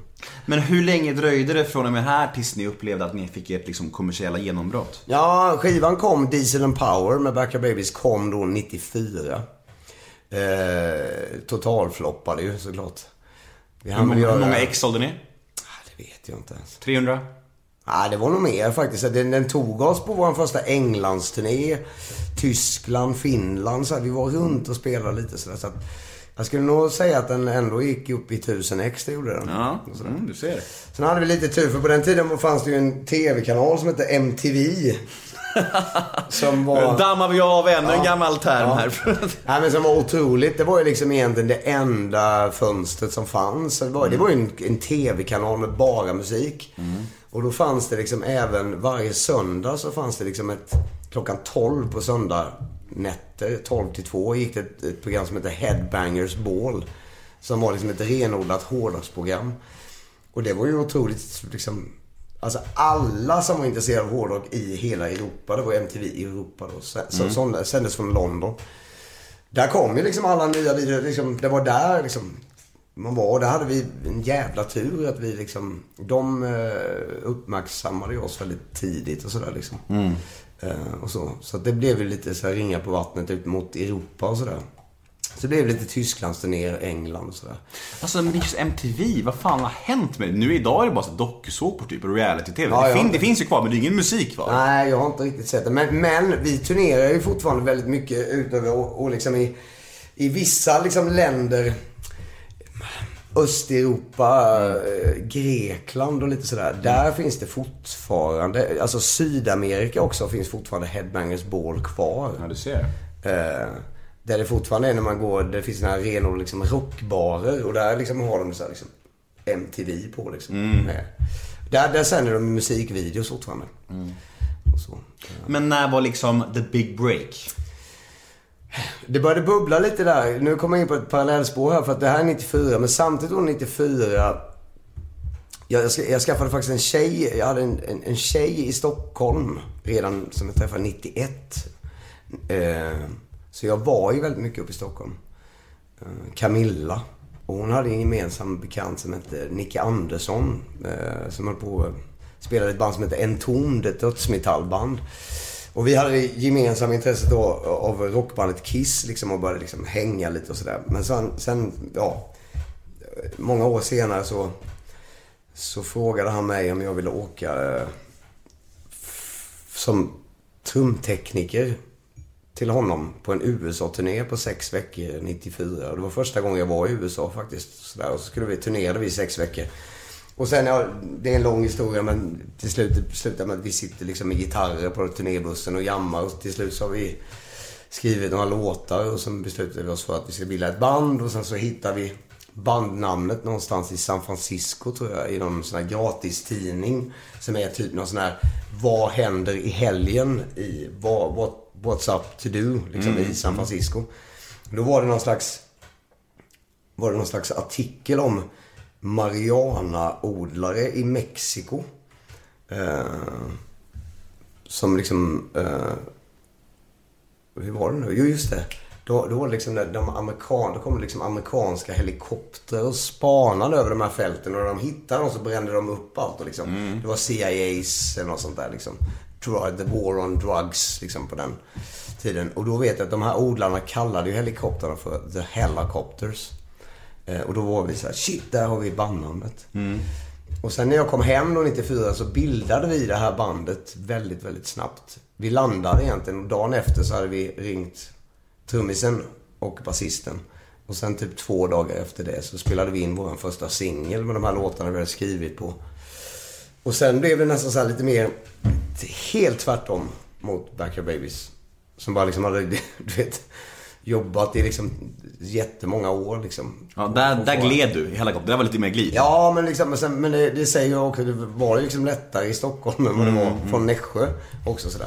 Men vad, Men- Var, vad var reaktionen från backyard-människorna som inte var med i helikoptern? Vad, vad, sa, vad, var, det, var det ilska eller? Att du, Nej. var du svikare eller? Vad, Nej, så var det väl inte. Men det är klart säkert att, att folk var oroliga och så. Men det, det tog ju också lite tid. Vi började, började som ett punkband. Vi släppte, vi gick ju åt andra. Det var ju liksom, vi, vi släppte ju egna singlar som vi gjorde. Det var på en väldigt låg liksom så här underground nivå. Men sen så ja, började det bubbla lite och sen, eh, ja. Sen gick ju egentligen, 96 fick vi ju vårt första skivkontrakt med Hellacopter. Så till och med då tyckte vi att fan det här är ju sellout liksom, ett skivkontrakt. Vi skulle börja göra punksinglar liksom. Fan, ska vi göra en LP nu? Ett helt album? Det är ju sellout. Men det gjorde vi i alla fall. En platta som heter Super Shitty to the Max. Eh, som släpptes på eh, Psych Out Records. Eh, Hur skulle du beskriva sounds, eh, skillnaden på sound på Backyard och Helicopters? Helicopters var mycket liksom råare och, och liksom sådär. Och vi hämtade väl mer ifrån liksom punken liksom renodlad. Egentligen var det från början var det väl egentligen liksom ett punk med ja, betoning på jävligt mycket rock också men med, med liksom punk i botten. Och då eh, small det till så att vi vann en Grammis och sådär och den skivan sålde ju jättebra och sådär liksom. Eh, men å andra sidan så var ju det för att då fick ju liksom, då blev det liksom nästan som en scen liksom att Hellacopters kom upp och då, alltså Backyard fick ju hjälp av det också liksom. Mm. Och sen började vi då fila på vår andra platta som blev vårat genombrott med Backyard Babies. Som heter Total 13. Som kom ut 98. Så mellan 94 och 98 kom det ingen Backyard-skiva. Så vi höll på att skriva och fila på massa låtar och liksom sådär. Och det soundet var ju mycket, mycket mer. Vi spelade in i samma studio och med samma producent då eh, som Hellacopters hade. Eh, så att jag menar, Hellacopters påverkade ju också hur Backyard lät med det här. Och, och, och, det sound, och den gick ju, så den sålde ju guld den skivan. Och tog oss ju jättelångt liksom till, direkt till USA-turné och Japan och Australien liksom och allt. Eh, och sen då 99 så blev det så jävla mycket med båda banden så jag var tvungen att sluta. Och då, och då slutade jag med, med Hellacopters. Ja, vi slänger in en lyssnarfråga där som passar precis här. Och den lyder så här. Hej Dregen, hur kändes det när Strängen fick jobbet i Hellacopters och fick vara med om det stora genombrottet och inte du? Var det okej eftersom du själv hade framgång med Backyard Babies eller fanns det en bitterhet? Nej, absolut inte. Jag menar för mig, det, det som hade blivit bittert för mig egentligen, alltså det hemskaste för mig som, om man säger att det hade hänt, jag menar om Backyard inte hade liksom, om det inte hade hänt någonting med det, då hade jag ju fått stå mitt kast på något sätt för att jag hade ju ändå valt det. Men det hade också varit jävligt jobbigt om Backyard gick så bra som det gick och, och när jag slutade med Hellacopters så gick det åt helvete för det bandet. Då hade jag, ju- då hade jag nog haft ångest liksom. Så det var ju väldigt, väldigt kul att det funkade så bra för båda banden liksom. Ja, det är ju lätt att unna andra framgångar när man själv har det. Det är lättare då. Ja, det, det, precis. Och jag menar, de blev ju ett, eh, ett otroligt bra band också liksom. Eh, efter jag hade slutat där liksom. Eh, men som sagt, nu, nu, har liksom, nu då har det ju, nu är det liksom sen 2000, vad blir det? 2015, 2016? Ja, två, tre år tillbaks. Så eh, Hellacopters upplöstes ju sen då med i den sättningen som de var 2008 och la ner. Men sen låg ju den i, låg de i dvala nästan i åtta år eller sånt där. Eh, Och sen så beslöt vi oss för att göra en återförening. För att våran, 2016 var det för att första plattan, den här Super City to the Max, fyllde 20 år. Och då gjorde vi en sån slags liksom, hyllningsspelning, bara en enda spelning på Sweden Rock Festival. Då spelade vi hela den skivan i sin helhet. Liksom, Rakt upp och kan jag ner? Ja. Ja, typ. Och så lite massa B-sidor och sådär vi hade spelat in. Men, men från den tiden liksom. Och då tyckte vi att det var, ja, jävligt kul. Men det här, när det slog igenom då med dunder och brak. Det här rockstjärnelivet, var det, var det som du hade hoppats liksom? Ja, ganska, ganska mycket. Tror jag också att vi liksom har... Man pratar med många, tror att liksom många som, som liksom drömmer om att liksom slå igenom som musiker eller vad som helst, tror jag. De, de tror att det är, liksom, att det är en att det är ganska liksom, enkel resa sen på något sätt. De liksom tror att det bara är... Jag vet inte vad de tror att det är egentligen. Men att det är jävligt enkelt. Men vi var liksom väldigt förberedda på att det här kommer vara en jävla massa jobb liksom. Eh, så att... eh, ja. Vad var det bästa och det värsta med det livet? Eller vad är? Jag, antar att det är ändå lite lugnare idag överlag. Jag Ja. tänker mig det. Men just då, jag tänker när det var som mest hysteriskt och mest stökigt. Vad var det bästa och det värsta med det livet? Jag vet alltså det bästa. Jag tyckte allt var bra liksom. Det var precis det man... Ville, sökte. Ja, sen, sen är det en viss grej att jag är så jävla glad idag att det var verkligen... Ja men liksom till och med innan, alltså vi snackade vi bildade band, vi började spela tillsammans någonstans liksom 87, 89 där. Eh, Då var det ändå liksom tio år tills vi liksom, innan det liksom hände någonting sådär. Och då, det är jävligt skönt när det väl händer, när man har hållit på liksom och bara liksom du vet, så stånga den där jävla betongdörren som vägar och sen ger den vika liksom. Det blir skönare när det väl händer. Ehm, så att, eh, ja. Har du några enskilda minnen från eh, den här perioden? Eller din, din karriär överlag? Något sjukaste städer eller sjukaste giggen? Något som sticker ut liksom? Ja, det fan det är en stor jävla virrvarr sådär. Sen, Dimmigt? ja, det är jävligt dimmigt liksom. Ehm, ja, det, det började bli tråkigt. Det var ju just att liksom, vi, vi köpte ju hela liksom, rockmyten med hull och hår. Liksom, så det var ju liksom kröka och knarka och liksom, ja, men du vet, Och det var ju en otrolig frihetskänsla och jävligt kul hade vi liksom. I början. Och vi var kreativa på något sätt liksom. Men vad, gjorde ni det för att ni ville det eller gjorde ni det för att ni ville vara som era idoler och förebilder? Liksom, Ja, en blandning av det tror jag. ja. Ja. Rockstjärnemyten liksom. Ja, myten var nog lite sådär. Och vi tyckte om den liksom. Men sen så gick det väl en, ja, nästan liksom 6-7 år tror jag. Men sen började det där liksom, då, då kan jag nog säga att jag, det ser jag tillbaks med lite ångest liksom typ. Sådär att det började, det började bli liksom lite dekigt hela grejen och sådär. Liksom. Ehm, Ni började bli lite trasiga. ja, trasiga och sen liksom Gick det ut över musiken då eller? Ja, det gjorde det. Eller i alla fall liksom energin på något sätt. Liksom, det blev så här inställda rep och folk gjorde liksom inte sitt bästa ifrån sig ibland och sådär. För vi har varit väldigt mycket så liksom 100% jämt liksom. Ehm, men det är sånt liksom, det är också liksom lärorikt på något sätt. Sen var det väl lite just att eh, jag var en trummis, fick ju barn. Och hon är ju typ, fan hon är ju tonåring idag liksom. Och då hade ju, det var ju bara så här, åh herregud liksom. Så att han liksom skärpte ju till sig liksom. Eh, det var en väldigt bra, det var ju väldigt bra att han gjorde det egentligen. Vi tyckte bara, oh fan vad töntigt att skaffa familj. Vi var ganska liksom kvar i liksom sådär. Och ja, sen har det bara gett med sig liksom att folk har bildat familj och...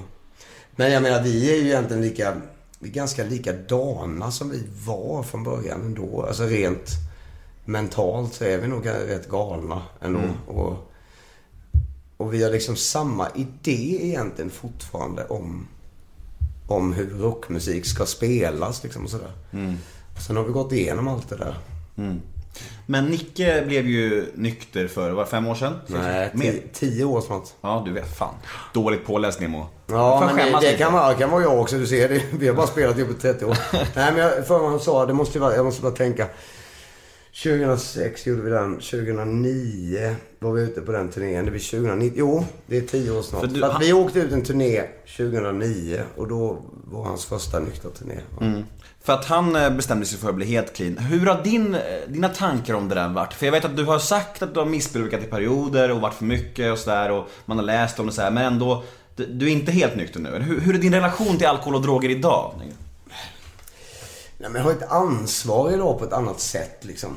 Och sen måste jag säga att jag, ja, jag har blivit liksom äldre eh, rent... Jag är liksom blivit en gubbe på det sättet att ska jag upp liksom till studion imorgon och liksom spela, liksom göra gitarrpålägg. Jag kan liksom inte gå ut och köra en hel natt liksom. Det kunde jag ju för fan när jag var liksom 25, herregud. Spelar roll, då var man ju liksom... Jag hade ju fan dött nu liksom. Jag kommer ihåg alltså, när vi var i Japan första gången. Då landade vi på fredagen, spelade fredag kväll, lördag kväll. Vi gjorde intervjuer på söndag dag och, åkte hem på söndag kväll. Vi, jag sov inte en sekund tror jag på den första resan. Du vet liksom. Fan, idag hade man legat med dropp liksom på något Men du har aldrig funderat på att bli helt clean? Ja, nej, ja, det kanske jag skulle bli någon dag. Men jag har liksom aldrig känt att jag har... Samma problematik Nej, men inte kanske? den, inte den problematiken. Men jag har ju liksom haft väldigt mycket varningsklockor och sådär. Mm. Har jag haft liksom. Eh, Men, men eh, jag tror att alla... Det är nog, jag vet inte, det är nog väldigt individuellt, alltså individuellt också. För att Nicke var ju verkligen, han var ju verkligen under isen. Och det har ju blivit så jävla bra alltså. Mm. Eh, Hur var det att vara vid sidan om när du såg hur han... Det, var, det har varit väldigt bra för oss också faktiskt. För att liksom man försöker ha lite respekt. Han har ju aldrig varit så här heller att nej, ni får inte liksom dricka. Ja men du vet, vissa är ju, är ju sådär också liksom. Pekpinnar. Så, ja, och sådär va. Men jag menar det blev liksom att ja, bussfesten kanske blev liksom till ett rum i bussen. Istället liksom, istället för bara över hela jävla. Och så tror jag nog att vi på något sätt blev väl, ja, något lugnare kring han. Får visa någon slags respekt också liksom. Höll oss lite, lite sådär. Så han har aldrig varit så här, fan ska inte ni också bli nyktra grabbar? Nej. Nej. Ja, det är ändå respektabelt, alltså fint ändå. På något Ja. sätt. Ja. Nej men och sen är det väl just att jag... Jag vet inte, jag tycker fortfarande det är... Gott. Ja, jag tycker fortfarande det är kul liksom att gå ut. Kanske inte, kanske inte lika kul. Alltså det, det är det just med...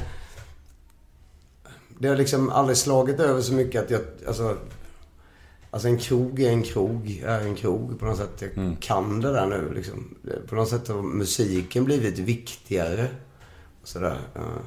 Men sen är det lite det här med att sticka huvudet i, i sanden också som är jag liksom lite dålig. Att ibland, ibland är jag ju dålig på det där att jag måste liksom ha jobbat jävligt länge och, och liksom med mycket och sånt där. Du vet, då, ja. Ibland går man ut och tar sig en bläcka liksom. Och sådär. När använde du narkotika sist? Kan nog varit en... Det var en joint i Spanien i december kanske. Ja, sista turnén. Ja. Ja, du ser. Ja, vi går vidare då. Eh, stämmer det att du provspelade som gitarrist i Guns N' Roses? Ja, det gör det. Hur gick det till? Och, och berätta lite om det. Ja. Medlemmar ur Guns N' Roses har ju alltid så liksom kommit, då är de liksom splittrade, men liksom har ju alltid dykt upp på våra spelningar och sådär liksom i Los Angeles. Och, Ehm, så jag, alltså jag vet inte hur det har... De har väl bara haft bra koll på oss och sådär. Och sen helt plötsligt så bara fick jag ett samtal att de... eh, Att de ja, skulle söka nytt, eller ny gitarrist till Guns N' Roses. Och... Eh, Träffade du Axel då? Nej. Nej. Alla utom Axel. Axels röst var förinspelad. Är det sant? Ja. Nej, vad fan vad larvigt. Ja, det var jättekonstigt. Och han, tydligen så filmades ju... Eh, filmades själva audition med flera kameror liksom. Så att jag var inte den enda de, de testade. Och så. Nej, det var otroligt, otroligt kul liksom. Men har du, Men- du har träffat honom annars eller Axel? Ja. ja. Vad, har, har ni någon relation? Nej. Nej. Fan det är ändå coolt. Ni, ni, så här, du har varit förband till, ni har- ni har provlirat med Guns N' Roses, har varit förband till AC/DC, Rolling Stones. Alla de här hjältarna liksom. Har du något, vad har varit coolast? Oj, det är olika på olika sätt. Det blir lite såhär... om Man gillar mamma eller pappa, jag vet fan. Nej, det är liksom... Stones nu senast var ju sjukt... eh, Var ju sjukt coolt faktiskt. Det var ju lite overkligt sådär. Men samtidigt så var ju... En stor grej var också när vi liksom var förband till Kiss med Hellacopters. Eh, För i och med att det, det bandet... Utan det bandet så hade egentligen inte Hellacopters funnits. Alltså inte så mycket musikaliskt egentligen, men det var det som fick liksom mig och Nicky och... Mm, jag fattar. Alltså utan Kiss hade vi inte haft något gemensamt att liksom snacka om. Och det blev ju. eh, sådär. och sen gjorde vi en hel AC/DC-turné med Backyard Babies. De andra är ju mer såhär tillslag. Med, med Kiss gjorde vi kanske tre gig och med Rolling Stones var ett gig nu och sådär. Men jag menar AC/DC, vi gjorde, vi gjorde nästan 40 gig tillsammans med Backyard och AC/DC. En hel, en hel Europaturné. Liksom. Ja, jag har faktiskt en fråga om just det. Eh, eller det är en mailfråga då. Som lyder så här. Hur var det att vara förband till AC/DC i början av 2000-talet? Eh, AC/DC är ju ett väldigt hemligt och privat band utanför scenen. Så det hade varit kul att höra lite om hur de var backstage och privat. Väldigt få band har ju varit förband till dem. Ja, fan det var... Eh, alltså för, mig, för, för oss som band så, så var det en otroligt liksom eh, viktig turné och bra turné för oss. För att det var ju ändå så många, jag tror det var 36 gig faktiskt. Eh, genom hela Europa och, och få liksom spela de här stora scenerna varje dag liksom. Det, det gav ju oss som band väldigt mycket också. Men sen då som personer så var de ju liksom världens skönaste gäng liksom. Sådär. Eh, Men var de privata och väldigt hemliga och så, så? Nej, inte när man väl var där. Men de är ju väldigt... De är väldigt privata. Alltså de gör inte så många intervjuer. De gör Nej. inte så mycket liksom. Sådär. De går runt och dricker kaffe och älskar att spela De soundcheckar till exempel varje dag. Det är sällan alla band gör... Det är bara teknikerna liksom. Som gör. De jammar. Eh, vi var ute och liksom gjorde stan på vissa ställen liksom. Gick runt med så här Angus Young och en karta och vi skulle gå runt i några liksom.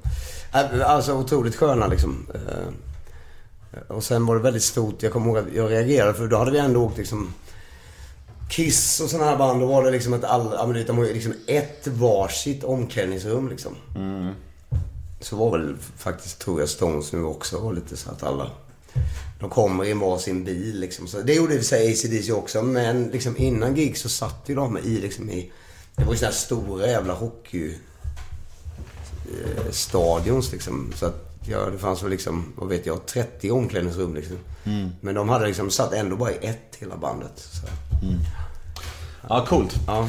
Eh, jag ska snacka lite med dig nu om faderskap. Vi pratade lite om det innan, eh, innan vi började den här intervjun. Ja. Du har en, en son som fyller fem häromdagen. Ja. Hur skulle du säga att du förändrades av att bli pappa? Jag skulle säga att liksom, eh, ja, allt med mig blev lite bättre på något sätt.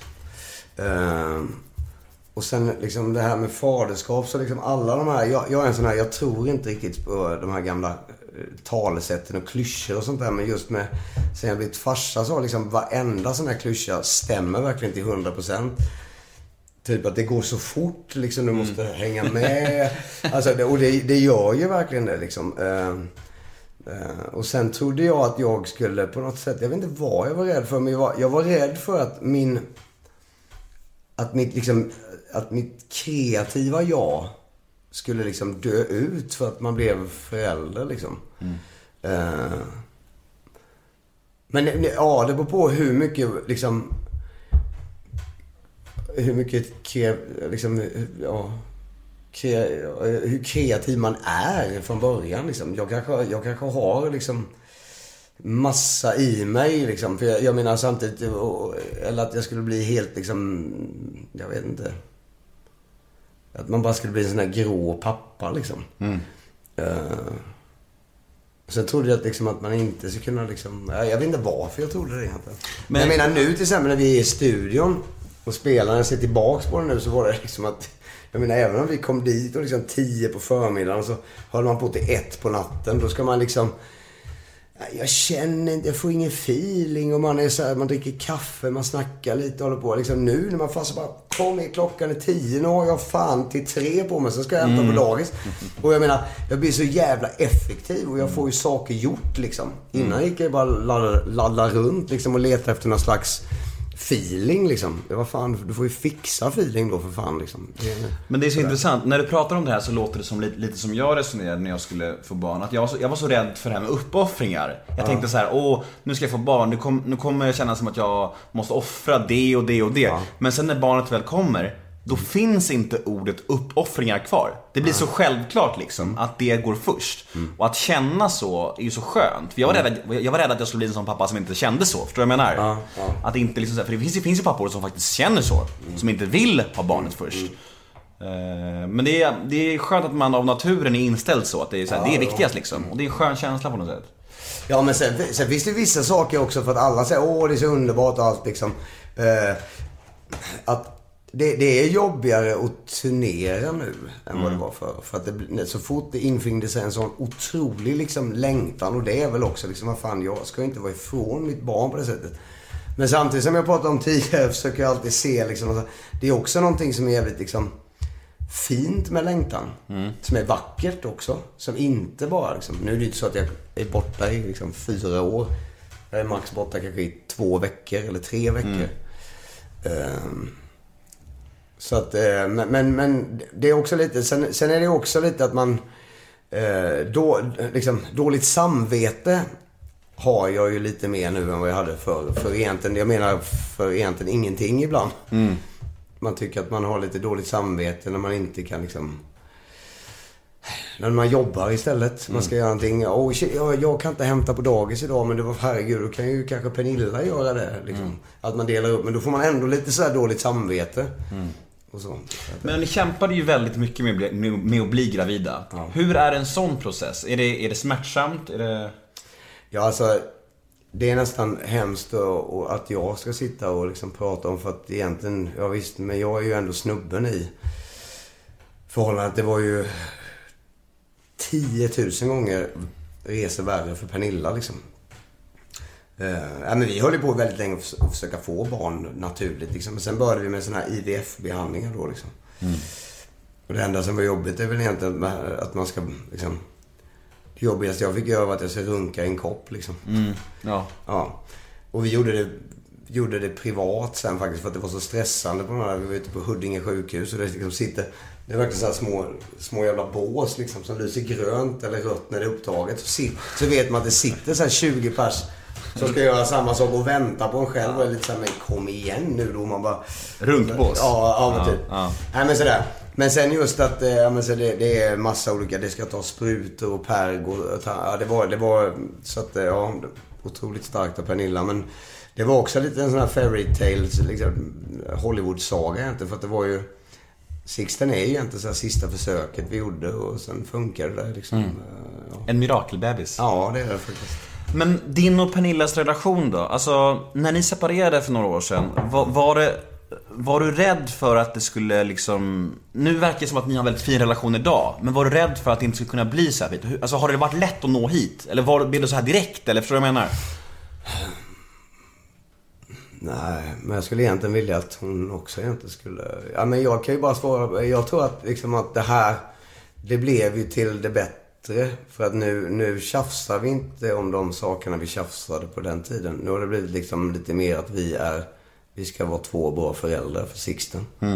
Eh, och så. Men det är klart att ju- just, alltså en skilsmässa är ju aldrig enkel. Liksom. Och det är ju på något sätt något slags misslyckande om man nu vill ha det så. Men sen samtidigt så har vi också sådär diskuterat att vad fan gifte vi oss för? Eller liksom, det är hon, hon, varken hon eller jag är liksom den där att vi haft liksom växt upp med något såhär, åh, när jag, jag ska gifta mig när jag blir stor. Det har liksom inte riktigt varit. Men blev, blev det omgående efter skilsmässan att ni kunde umgås som vänner? Eller fick- tog det en period? Det var nog ganska, jag tror att det, det var ganska snabbt sådär liksom. Det- Fan vad det låter jävligt vuxen då att, att kunna, kunna det direkt. För att det är inte, Ja, helt, det är inte helt lätt liksom. Kanske är det vuxnaste jag har gjort, jag vet inte. Ja. liksom sådär. Men det är som man får släppa sitt ego och sådär helt när, när det är ett barn i bilden också. Man får släppa om, det- om man har några känslor och så här. Och... Ja, men det, det är ju fint på alla sätt. För att jag menar om, om vi inte hade haft Sixten och det hade blivit en skilsmässa då kanske vi inte... Jag menar jag tycker väldigt mycket om Pernilla liksom. Fast hon inte är min fru. Jag tycker otroligt mycket om henne liksom. När ni en dröm av att eh, end up together in the future? nej, nej. Jag, jag har faktiskt ingen, faktiskt ingen aning. Nej, det tror jag inte. Att Kanske när ni är 80? Ja, kanske. Nu var ni lite generade. Ja, man- vi, vi går vidare. vi kan gå vidare. Man vet aldrig. Man vet aldrig. Eh, Okej, men annars idag då? Förutom om vi, om vi tar bort alkohol och drogbilden. När mår du som sämst idag? När har Dregen ångest? Du, du, du. Ja. Det är februari nu så att du träffar mig i en jävligt bra ångestperiod. Och så här. Nej men det är väl just nu egentligen vinter. Eller det kan egentligen, men jag vet inte varför det alltid infinner sig att man ska skriva musik och göra skivor. Under det jävligaste året. Det är alltid så att vi håller på och skriver det. Då kan jag få lite ångest. Men jag är lite som en... Ja, som att jag har någon slags diagnos nästan under den här liksom. Jag, jag har också väldigt, väldigt, väldigt höga toppar. Så det är som att jag är, det är som en slags ofarlig smart drug. Jag går liksom, jag kan vara jätte-high liksom. Eh, Och må jättebra. När man, när man kommer hem, fan vad bra det här blir och allting. Från liksom 12 timmar senare, bara liksom, hur i helvete kunde vi ens få skivkontrakt? Vi är typ sämst i hela världen. Nej men väl, väldigt mycket så är det. När, eh, när grät du sist?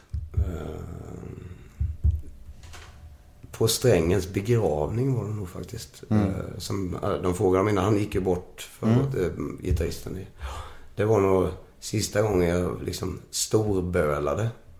Och sen har jag väl fällt någon tår sådär till någon, så filmgråtit till någonting. Och det kan nog varit, det var nog till någon sån tecknad film jag kollade på med Sixten säkert. Jag försöker leva mig in liksom. Och sådär. Men fa- fan, Disney och tecknat och sånt, det, det kan verkligen gripa tag i Ja, alltså. jo, det är, det är fint. Det tycker jag också är en, en sak som, jag nu kommer tillbaka till, men just sen jag blev förälder, att jag... Eh, just det här med att stoppa huvudet i sanden, då har du märkt att liksom, det är en liten grej att bara gå vidare och inte... En röd tråd i ditt ja, liv. Ja, men och inte liksom titta bakåt för mycket liksom. Inte älta saker. Nej, inte så mycket. Men, men, men att bli... Jag måste säga att jag har kommit närmare mina känslor sen jag blivit farsa också. På ett, alltså på ett otroligt positivt sätt. Men sen är det också lite där med när får du ångest? Jag menar det, det skulle ju räcka med att du och jag efter den här intervjun skulle gå ut och ta några öl.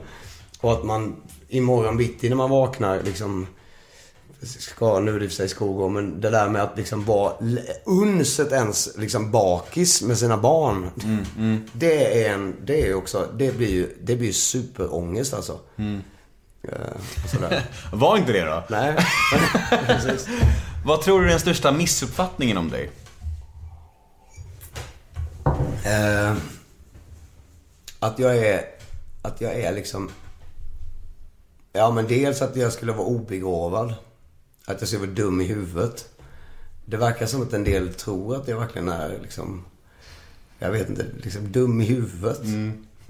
Eh, och det är jag inte faktiskt. Eh, och sen kanske just att jag... Eh, att jag skulle vara extremt... Eh, jag vet inte, kaxig. Så jag kanske har en kaxig, jag vet, jag vet inte. Men så här är jag liksom. Men det är ingenting som jag...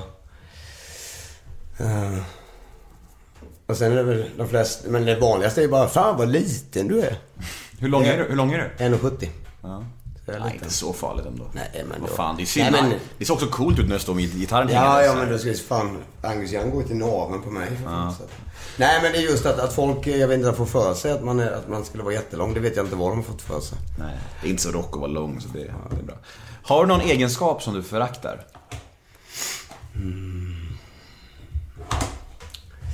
Ja, min tjurighet ibland. Min onödiga tjurighet liksom. Jag kan bli ga- ganska sådär lätt eh, och lite långsint är jag också. Men det kan vara, det är också en fördel ibland sådär. Men jag... Lite tvärtom mot det du sa sist, att du inte ältar men ändå långsint. Ja, så här, ja, jo, men det, ja, det stämmer faktiskt. Sådär Mm. att jag...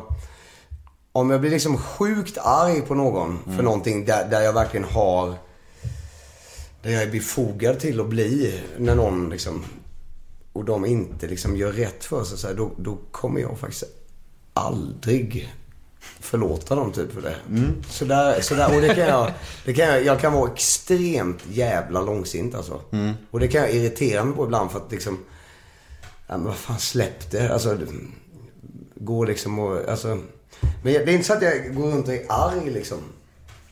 Jag försöker inte vara arg på folk längre. Jag försöker bara liksom gå vidare liksom. Eh, Det tar upp, alltså. Det är just att negativ energi tar upp egentligen större plats på något sätt än samma yta av positiv energi. Ja, precis. Den liksom... Och sådär. Nej men just att det kan vara lite lätt ja, men liksom irriterande. Men det, det, är också, det blir också så här. Nu pratar jag emot men det blir paradoxalt med... För det är också därför att jag inte ger upp med vissa saker och sånt som, blir, som också leder... le- Det ligger jävligt nära till en positiv sak också liksom. Men är du känslig? Lättkränkt Ja, eller ja. så här? Om folk dissar, en recension som är dålig kanske, blir du ledsen då liksom? Eller Nej, det har jag nog aldrig blivit mer förbannad sådär för. Men, men det är också en, en skön grej med åldern fak- faktiskt. Att, att jag, man, man slutar bry sig på ett bra sätt. Man liksom står mer stadigt i den man är på något sätt. Eh, men, men jag är ju ganska, jag har alltid liksom, jag har ju alltid sagt att ja, men jag är liksom inte känslig. Sådär. Men jag är nog, jag är nog jävligt känslig egentligen. Sådär, på, på alla plan liksom. Jag är ganska känslig. Hur trivs du med offentligheten då? Alltså det här med om folk vill ta selfie med dig eller kom fram på stan. Alltså är, är det, är det okej med det eller är det bara så här, kan det vara jobbigt också? Nej, ja det kan vara liksom lite jobbigt men samtidigt man får ju också väga upp. Alltså, det, det är väl inte så konstigt. Alltså, om folk bara är liksom... Folk är oftast jävligt trevliga också liksom. Ehm, Om jag hade kommit fram på Svea pizzeria det och hade bara, jag. Det hade du fått. en kram. Ja, det hade du fått. Och en, och en selfie. Ja, Ja, Både och liksom. Ja, ja, ja. det är klart att jag har fått. Ja. Nej, men sen, sen jag tror jag att liksom det, det bästa med att vara den här typen av... Jag kan tänka mig att jag ser väldigt mycket upp till med, med den liksom förskräck... Alltså jag, jag, jag liksom... Jag beundrar, alltså inte bara artisteriet, utan liksom hur... eh, Det verkar vara så deppigt att vara komiker. Eh, och jag beundrar det väldigt mycket att, liksom, att, att man är den komiker. För att jag tror att folk ser vad jag liksom utstrålar bara på scenen och då får de för sig att jag kanske är liksom kaxig eller vad som helst. När man, när man träffas i verkliga livet. Men just att, du vet, på, alltså var, var, en, var liksom så här en komiker eh, och gå på liksom gå ut på en fest eller vad som helst. Och liksom, då, då tror jag att liksom, när folk dricker några öl och så här, då, då liksom, då, de liksom får för sig att folk komiker bara går runt och är så jävla roliga hela tiden. Säg ett skämt. Ja, och det, jag tror att det, Fan, känns, alltså, det känns mardröm. jävla... Det måste kännas jobbigt. Speciellt om man är... Tänk om det har hänt något jobbigt liksom. Man går in i en... Det måste vara otroligt jobbigt att liksom gå i, Det måste vara jobbigare att gå igenom en skilsmässa eller... Liksom, eller liksom, något dödsfall inom familjen och jobba vidare som komiker än att, att spela rock'n'roll på något sätt. Man får ut så mycket saker grad. Man behöver inte vara någon annan när man håller på med, med, med musik på det sättet. Du kan ju bara ha ditt mörker konstant liksom. Nej, men det är liksom... Jag skulle kunna skriva glada låtar med, men det är bara att jag... Då, vad fan, jag har andra saker att göra när solen skiner. Det är sant. Du, jag har ett segment som heter ett ord om. Det går ut på att jag säger fem stycken svenska kändisar som brukar skapa reaktioner. Och du ska säga det första ordet som kommer i ditt huvud när du hör namnet. Okej. Är du med? Ja. Alex Schulman. Oj, jag vet inte riktigt vem det är. Har inte han en brorsa som ser likadan ut? Det, det, det, det räcker. Okej. Marcus Birro. Eh, förvirrad. Sara Larsson. Ja, bra tycker jag faktiskt. Kack, kaxig. Jimmy Åkesson. Han har fått nya tänder. Leif GW Persson. Ja. Ja, det räcker om du vill. Eh, vi ska avsluta podden med att damma av några läsarmail. Mm. Några brev.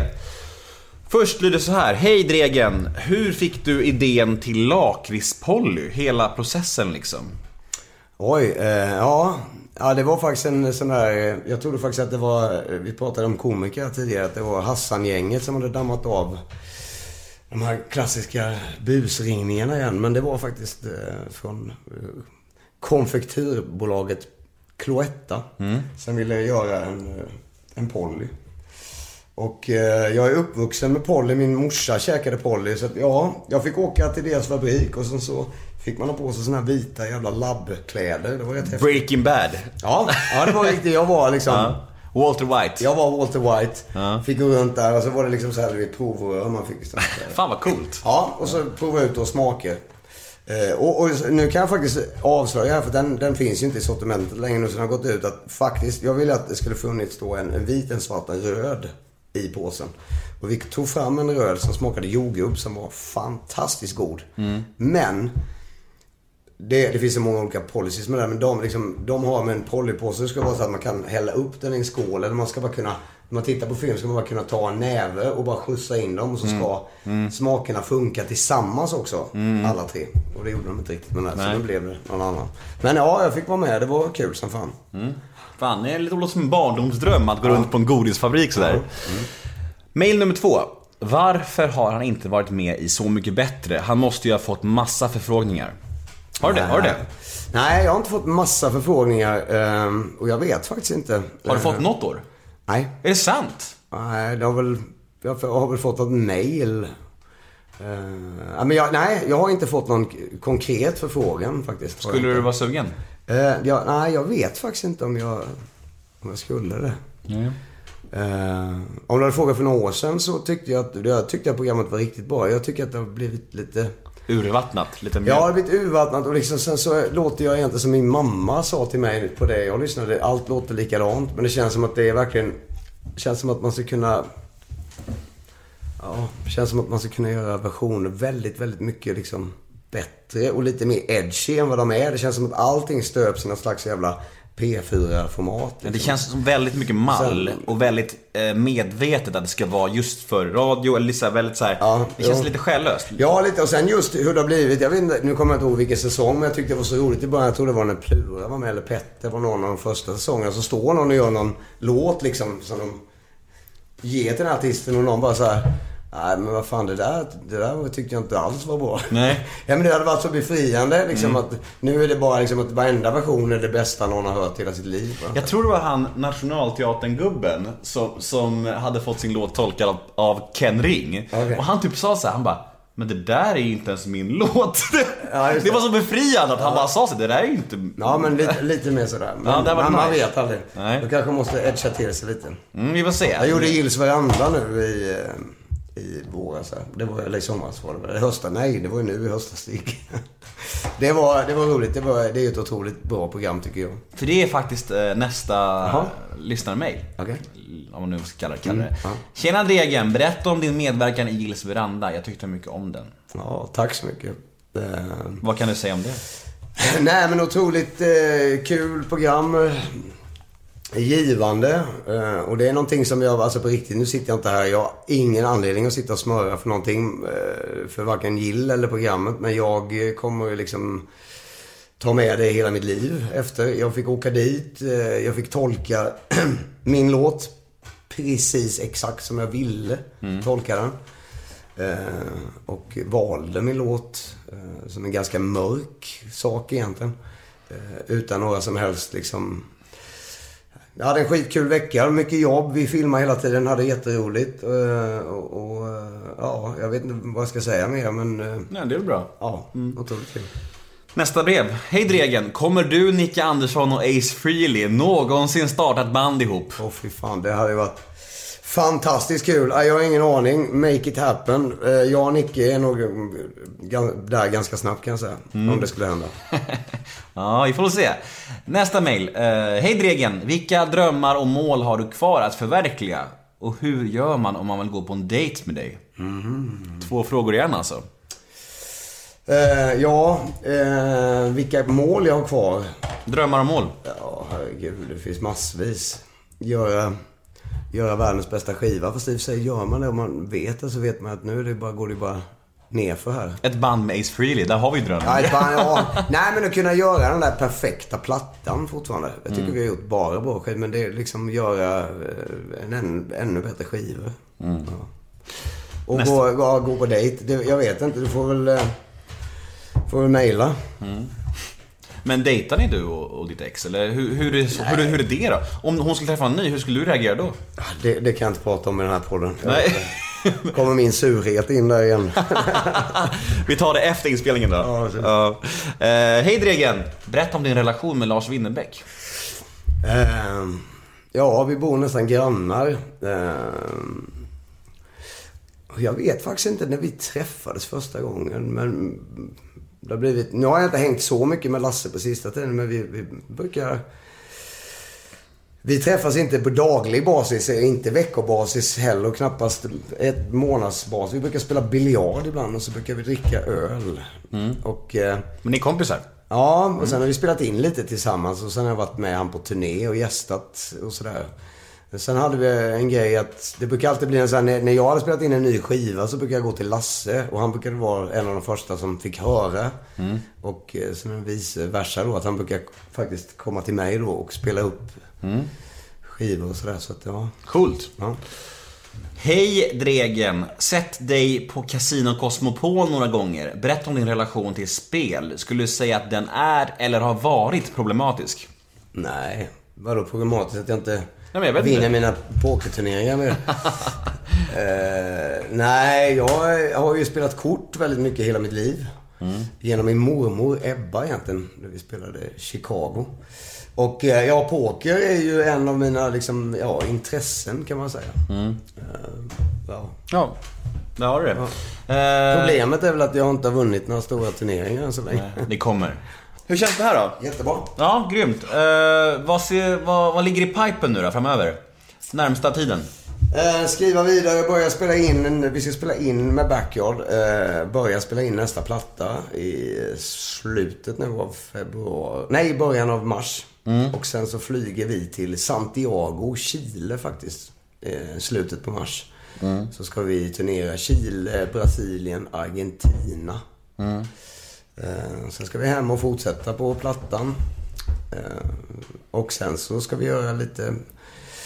Eh, jag kan inte riktigt prata. Vi ska börja eh, göra lite grejer med Hellacopters också. Och sen börjar ju sommaren. Och då blir det fullt turnerande med både Backyard Babies och The Hellacopters i sommar. Ja, fan vad grymt. Vi ser fram emot det och jag, eh, jag är jättetacksam att du tog dig tid. det var skittrevligt och eh, jag, jag tycker att du är lugnare än vad jag tänkte. För jag har sett lite intervjuer med dig från Nyhetsmorgon sen senaste tiden. Du har, du har känt så jävla spattig. eh, all over the place. Du känns lugnare nu om jag säger. Ja, det kanske är just TV-kamerorna. Är det inte. lite så här obekvämt med TV-kameror? Jag tycker inte. Nej, Nej. det har varit spattig kanske. Du, Nej. eh, finns du på några sociala medier? Jajamän. Vart och vad heter du? Jag heter, ja, Dregen Official heter jag väl på Facebook och det Mm. gör jag nog på Instagram också. Och sen har jag en hemsida som heter dregen.se. Fan vad coolt. Eh, Jag heter Nemo Hedén på Twitter och Instagram. Hashtaggen är NEMOMÖTER. In och gilla oss på Facebook. Nemo möter en vän heter vi där. Och stort tack till Dregen. Tack, tack. Hej då! Tja! Tja!